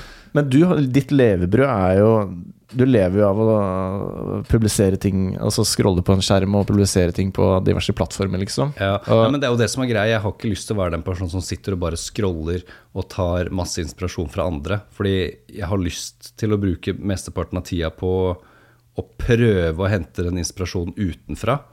Og liksom på en måte mitt eget språk, da, så man ikke blir en sånn homogen masse på sosiale medier hvor alle på en måte mer eller mindre blir de samme. Da. Liksom, jeg, det er jo det jeg prøver å spille mest på på matkanalen min, som på en måte ikke bare er mat, men er jo, jeg viser jo personligheten min. Og du kan jo kopi, kopiere en mal på hvordan lage en matvideo, oppskrift og, og sånn type ting, men du kan ikke kopiere du kan også prøve å kopiere personligheten, men du kan jo ikke være den personen. Fordi alle er jo seg. Du er jo en unik person. ikke sant? Det er jo ingen av dem som er deg. Eh, så på en måte bare prøve å tydeliggjøre gjøre de trekkene, da. Og bare være mer meg selv. Og jeg tror at det er det som Det er vanskelig å si nå, ikke sant? fordi jeg, har jo, jeg ble jo kjent før jeg begynte å ta de valgene jeg har nå. ikke sant? Det er det. Men fordi opplever du at eh, Det er jo levebrødet ditt, så det blir kanskje litt annerledes. Men jeg opplever at jeg blir mer stressa og mindre happy av å være mye på mobilen og skjerm. ikke sant? Mens eh, for deg så er det jo det er jo levebrødet ditt, på en måte, så du kan ikke unngå å være, være til stede. da. Ja. Men opplever du det som et stressmoment, egentlig? Jeg gjorde det spesielt før jeg begynte med antidepressiver. Det var også en god del av grunnen, tror jeg, til at jeg måtte begynne på det. Fordi det var det så mange meldinger og så mye stress og forskjellige kommentarer som på en måte kunne treffe meg veldig personlig. da. Uh, som tok meg på de tinga som jeg er sånn Å, shit, nei, ikke de tinga her. Hvorfor sa du det? Faen, ass. Det er én ting jeg liksom er sånn selvbevisst på. Uh, men etter antidepressivene så er det på en måte Det er lettere å distansere seg fra det og ikke ta det like personlig, og heller kunne sitte og le av det og tenke ja ja, personen valgte å kommentere, i hvert fall. Ja, ikke sant? Og så på en måte være litt sånn kynisk på den måten, da. Ja. Og tenke at eh, ja, ja, jeg får jo i hvert fall penger for dette her. Nei da. Men uh, Ja, det er jeg, jeg, du må, du må jeg, jeg tror det også kommer til å være uh, noe som kommer til å skille ut de store tiktokerne, eller de som gjør det bra på TikTok og Instagram, fra de som ikke kommer til å gjøre det så bra, eller de som kommer til å dette av, er det der hatet og det på en måte å, å klare å stå i det over en lang, eh, lang periode. Og og jeg tror det kommer til Fordi nå, eller i hvert fall de siste to åra, så har det vært litt sånn der internasjonalt farvann på TikTok. At folk prøver å etablere seg. Litt sånn der Ville Vesten. ikke sant? Folk prøver å Jeg liker det sitatet til han der Littlefinger fra Game of Thrones, at uh, kaos er en stige. Så det var jo under pandemien jeg begynte med matkanalen min, fordi da var det jo bare kaos. Folk skulle være inne, folk skjønte ikke hva som skjedde. Og da var det perfect timing. Jeg gjorde det rett før det ble karantenetid og sånt. Altså jeg begynte jo Matkanalen i februar. Så folk var jo inne, hadde ikke noe annet å gjøre, begynte å lage mat. Eh, Så jeg, jeg var jo bare heldig. Det er bare heldig timing på det. Men så på en måte utnytta jeg det veldig og på en måte spilte veldig på det. Og på en måte, oi, nå har jeg muligheten til å virkelig bare gå all in, fordi nå er det virkelig Ville Vesten. Prøve å sette et nytt hierarki her, eller et nytt system, liksom. da. Mm. Mens vi er i eh, Så selv om på en måte vi ikke har uh, karantenetid og sånt nå, så føler jeg at eh, vi har blitt en annen verden etter korona. Bare, bare alle land har bare blitt annerledes. da. Og det er ikke noe å gå tilbake til. Det er bare blitt en annen epoke, så jeg mener. Og da på en måte prøve å etablere seg i den nye epoken. Og jeg føler at uh, uh, at eh, korona kan ha vært et bra tidspunkt for veldig mange entreprenører og sånt, Ja, ja. som kunne etablere seg 100%. med noe som de ellers ikke ville kunne gjort. Da. Ja. Og det er, det er levebrød. ikke sant? Du lever Det er av det, det. ikke sant? Det er det. det er rått, altså. Ja, det er veldig gøy. Jeg, jeg klyper meg selv i armen hver dag, altså, fordi jeg, jeg syns uh, Det er jo helt, helt utrolig. Ja, ja. Liksom. Det er helt utrolig. Men det er, jo, er det flere i Norge som kjører samme, samme stil på, på matlagingsvideoene, med de raske klippene og liksom rett til poenget? Eller har du tatt, er du markedsleder nå? Liksom? Du har tatt, tatt markedet i Norge, da? Nei, det er vel Det er ikke som jeg vet om. Det er, det jeg ser at det kommer sakte, men sikkert eh, flere og flere sånne enkeltpersoner som bare lager matvideoer, og så klipper de litt raskt fordi det har liksom begynt å bli liksom litt formatet på TikTok til matvideoer. Da. Få det raskt inn, du må, ellers så gidder ikke folk å se det. Eh, men det er liksom ofte uten den eh, personligheten eller Hvorfor skal jeg se på deg, liksom? Hva, hva er grunnen til at jeg skal se på denne profilen? da? Eh, Så jeg vet ikke, det kan være vanskelig for de å etablere seg med mindre de ikke finner en nisje, da. Ja, ja. Men det er et eller annet som funker med det du gjør, i hvert fall. Ja, og, Zlatan og Preben, det, det, det har du slutta å si, da. Det så jeg en video at Ja. la det fra deg. Jeg, var bare, jeg var bare lei av å, av å si det, fordi jeg, jeg, følger jo ikke, jeg ser jo ikke på fotball. Jeg vet da faen hvem Zlatan egentlig er engang, nesten. Ikke sant? Så, og det var, bare, det var bare litt den der på det å liksom ville si det fordi jeg selv har lyst til å si det. Ja, ikke ikke fordi jeg er en sånn apekatt. Du må jo si Zlatan og Preben. Sånn, jeg sier Zlatan og Preben når jeg har lyst til å si Zlatan og Preben. Så jeg mener. Og nå er det salt og pepper, eller? Ja, nå, nå sier jeg salt og pepper. Jeg, jeg sier det jeg føler for. Ja, det, det var litt, litt av det som var poenget. Da, at jeg, jeg, har lyst, jeg har bare lyst til å si det jeg føler for sjøl. Jeg har ikke lyst til å være en sånn gimmick-person. Altså, du sitter og bare ser på videoen for Zlatan og Preben. At det er derfor du ser på videoene mine. og Da går du glipp av hele hovedpoenget, Ja, ja, som er matlaginga. Det det. Det er jo ikke derfor jeg har den kontoen. Det er jo ikke det, er jo ikke det som Nei, er fundamentet, liksom. Jeg så det var Preben. lættis, men jeg rakk ikke å bli lei, for jeg oppdaga det litt seint. Jeg. jeg tror Ja. jeg oppdaga det for eh, fire-fem måneder siden, kanskje. Ikke sant? Ja. Så, jeg- På Instagram? eh, På, ja, ja, ikke TikTok. Jeg har kun Insta foreløpig. Så var Insta jeg så. Ja. Bon Appetit og Zlatan og Preben. Er det flere uttrykk? Nei, men jeg har en som jeg jobber med nå. jeg vet ikke om jeg har lyst til å si den nå, men den er jævla genial, ass. Jeg vet ikke om jeg Nei, jeg skal Nei, du kan spare den. Jeg kan spare den, eh, fordi den er faktisk jævla bra. Den, eh, den blir bra. Ja, nice. Nei, men eh, f- altså, vi har faen meg sittet i- Nei, vi har ikke sittet i tre timer. Nei. Hvor lenge har den sittet? Når var det begynt? Det står to timer og 48. Jeg lurer på om den starter på én time. Den, eh, hva er klokka nå? Sju? Kvart på åtte? Kvart på ni? Har vi sittet i hvert fall to timer, da? I hvert fall to timer. Ja. Det er bra. Skal vi dra det litt tilbake til matlagingen på slutten, eller? Ja, det kan vi godt. Ehm, vi har vært innom air fryer. Mm. Uh, faen, jeg hadde skrevet opp et par stikkord, jeg. Men eh, jo, det også lurte jeg litt på. Hvor, altså, det er mye kreativt. da Altså, som de potetene du banker flate, og så legger du på ost og pølse inn i airfryeren og sånn. Er det sånn, Kommer du på det sjøl? Ja, den, den ideen var ikke min, så det skrev jeg jo også i i det, den posten på Instagram, tror jeg. Da tagga jeg han fordi jeg får masse ideer tilsendt også. Så bare sjekk ut den her. Ja. Den her er genial å, å gjøre airfry. Så jeg tror jeg skrev 'takk for ideen', og så tagga jeg den uh, personen. Så det er jo jeg, jeg kan ikke oppfinne hjulet hver gang, liksom. Nei, det det er noen av rettene som er originale, men så mange av de er jo uh, inspirert av andre. Og så tweaker jeg litt, og så ser jeg liksom på eh, på målene og sånt at oi, ok, det her er amerikansk, da må jeg gjøre det litt mer norsk. Og så ser jeg at, eh, at eh, ja, de bruker den slags type sirup istedenfor. Så må jeg liksom gjøre litt sånn substitutt for type, bytte ut ting og se hva som passer, så det blir lettest mulig for nordmenn å kunne lage oppskriften. da. Ja. Uh, favorittpanne og sånn, har du noe Stekepanne? Ja. Ja, nå har jo sånne Hexclad og Onyx-panner blitt en uh, greie, så jeg eier jo en sånn. Uh, det er jo de som på en måte du kan bruke kniv og gaffel i. Og, ja. og Er det sånn typisk kokkepanne som er sånn stål, eller? Som, som tåler alt mulig? Ja, eller det er en sånn derre Det. Det er en sånn nonstick, sånn eh, teflonpanne. Ja. Halvveis det og halvveis aluminium på en eller annen måte.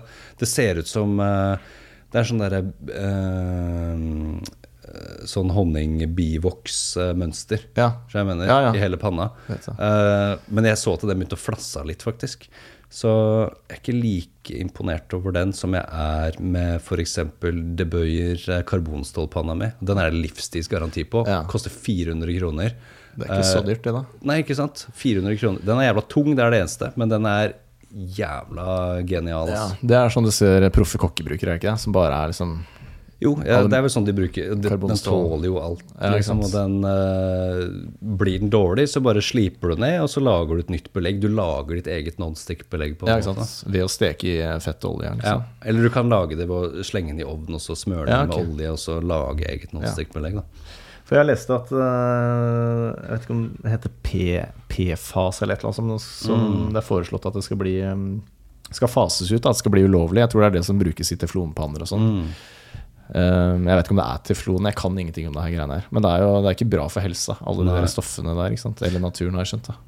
Ja. Men det er jo jævlig digg å ha nonstick-panne som du kan steke hva du vil i uten at det svir seg. For amatørkokker, i hvert fall. Ja, nei, Det er jo folk som har slitt litt med disse Onyx og Hexclad-pannene, som sier at det ikke er så veldig nonstick, og det svir seg og, og sånn type ting. Du må bruke den panne på en litt annen måte. Men det har også sånn PFAS-type Eller det er en annen type PFAS eller noe sånt. Nei, te teflon er liksom det paraplybegrepet, og så er det PFAS som er innunder der. At det er forskjellig sånn. For det en, ja, og så er det en annen type av det, da, som bare ikke har blitt uh, ulovlig i Norge eller noe sånt nå ennå. Da. Ja. Så jeg hadde vært litt forsiktig med å egentlig bruke de pannene til uh, det blir, Jeg føler det blir samme, liksom. Ja. Samme greia. Så det beste hadde jo vært å bare gått for en Nå har jeg nettopp bestilt meg en stålpanne. Ja. sant, det er nonstick, men de kan du også få til å bli nonstick. De og karbonstål, det er det jeg hadde gått for. ass, Fordi det er sånn som holder ut livet, liksom. Ja, ikke sant. En annen ting som irriterer meg noe jævlig, faktisk, det er sånn der uh, induksjonsovn med touchpanel oppå. Fordi jeg føler, fy ja, Det er sånn eksempel på ny teknologi som gjør ting treigere. Ja, ja. Så Før i tida så var det manuelle knotter. Ikke sant? Ikke sant. Det er sånn der Når du står og lager mat, og så bare vrir du på en knotten, tar deg ett millisekund, og så har du lavere varme. Så må, i stedet for må du holde fingeren over i to sekunder, så pip, og så må du dra pip, pip, Ja, pip. og så én dråpe med vann, så slukker Ja, ja. hele greia. Hva er det der for noe, liksom? Ja, det, er det? er noe jævla piss. Den, er, Ja. den, er, den funker jo dritbra når den først Hvis du tar på den P-funksjonen, eller hva det Ja, er. som gjør at det- Power, da går ja, det fort, power ikke er det det står for. Ja. det. Så går det jo jævla kjapt. Eh, men disse her knappene, altså helvete. Når Ja, du ja. får litt vann på det, så bare skrur den av bytter på en Ja, annen eh, Ja, faen, Noen burde finne på liksom en vanlig induksjonsstopp med manuelle knotter. Ja, med knotter. Det må jo finnes, det, da. Det, Men samtidig så er jo de knottene jævla veien også, da. Det er jo ja. ja, men jeg føler når du, liksom Det er som en dans. ikke sant? Når du står på kjøkkenet og lager mat, så må du Ja. liksom vri litt. Det er som en DJ. da Ja, ikke du ser de kokkene jobbe. liksom Jeg føler du må Det ha Det beste er jo sånn der gassovn, da. Ja, det er sant. Det hadde vært drømmen å ha noe sånt nå. Men samtidig så virker det jo litt sketchy.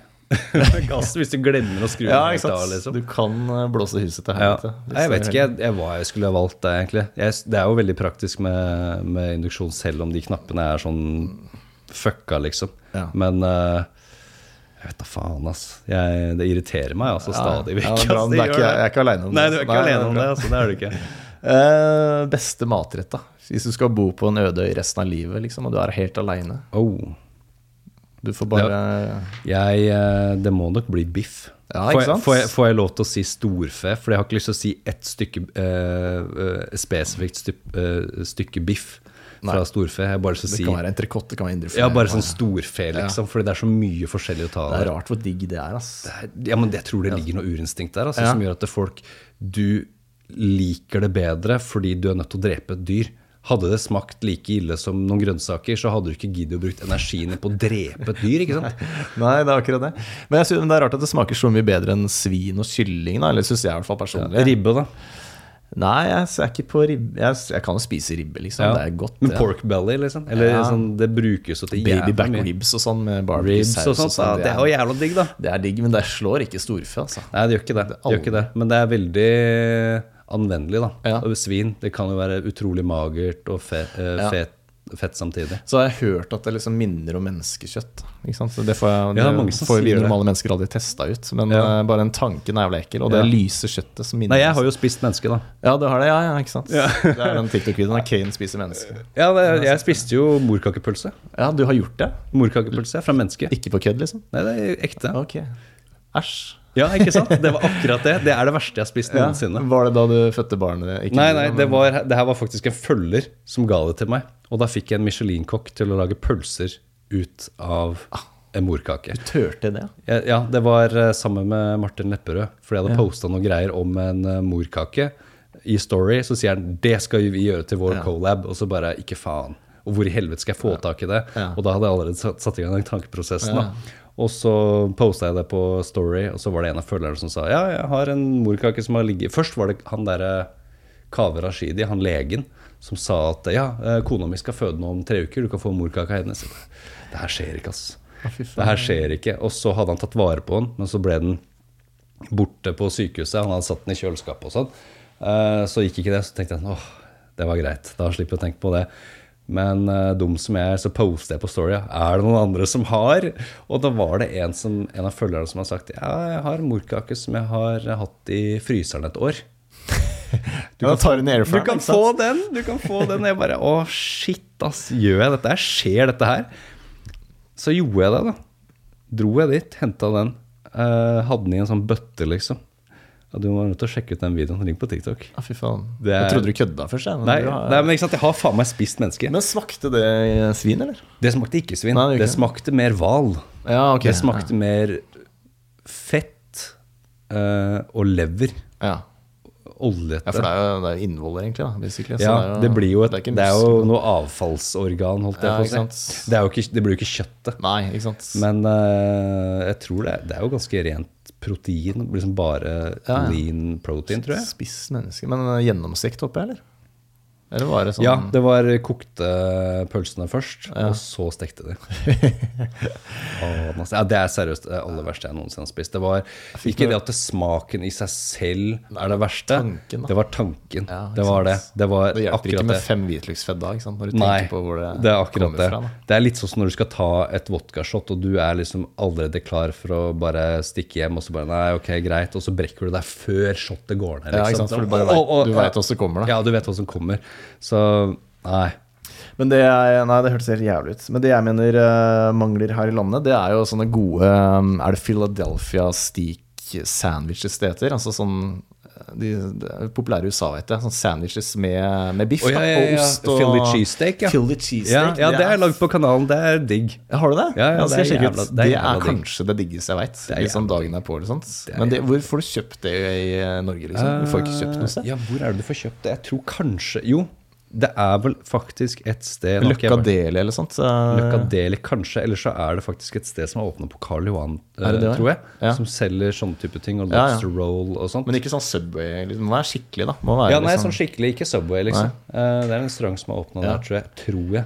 Eh, men du kan jo også lage det sjøl, da. Jeg tror på videoen min så lag, brukte jeg vel nyretapp.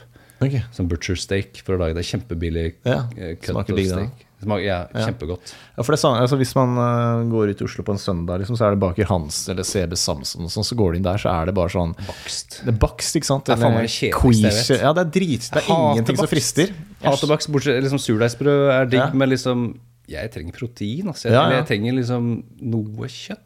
Ja, det er det. Men man burde godt kunne gå inn på sånn kafé på en søndag og kjøpe sånn, sånn Philly steak Ja. eh, sandwich, liksom. Men det Ja. får du jo nesten ikke gjort. da Nei, det er, Det er eh, business. det er digg, ass. Ja, ikke sant. Ja, det er min favoritt, i hvert fall. Nei, skal vi eh, runde av? Begynne å bli sultne. Ja, nei, det, det kan vi godt. Uh, TikTok, der heter du Du heter Kane, ikke sant? Uh, Kane lager mat. Det er matkontoen på både TikTok og Instagram. Kane Ja. lager mat. Og så har jeg også en humorkonto på TikTok da, som heter Chris Kane. Ja, ok, Det er den, jeg tror jeg For jeg drev søkte deg på TikTok på desktopen uh, i går, og da fant jeg bare sånn humorvideoer. Så det er Ja. to forskjellige? Det var det jeg begynte, begynte med, faktisk. Det var Ja. humorvideoer. Ja, ok. Så eh, begynte jeg med mat Ja, så det jeg begynte med den humorkontoen akkurat da TikTok ble TikTok, slutten av Ja. 2018. Nettopp, ja. Det er faen meg allerede Hvor mange år er det nå? Fem Ja, år? det er fem år siden. Fy faen, ass, tida går fort. Ja, det er. Helvete. Det er sjukt. Ok, så to, to TikTok-kontoer og så en matkonto på Insta. da Altså Facebook er også på, men det er kanskje ikke så aktivt. Ja, det er, det er, det er knytta til eh, Instagram, så de der reelsene som jeg poster på Instagram, de går automatisk ut på Facebook òg. Ja, ikke så jeg tror at hvis du følger meg på Instagram, og du er inne på, TikTok eh, nei, inne på Facebook, så tror jeg du også kan få opp videoene der Ja, som reels eller noe sånt. Jeg er Nice. litt usikker. Og boka di kommer Eh, Airfry-boka? ja, Ah, usikker. Usikker. 2024, kanskje? Nei, et, den skal komme i år, tror jeg. Jeg tror Ja. den, den skal Og få før november, da, så det blir julegave. Ja, det blir nok mest sannsynlig til, eh, til høsten, da, og den Sør-Korea-boka kommer da Den blir nok utsatt til eh, våren neste år. Ja. Ja. Nice. Gleder meg. ja.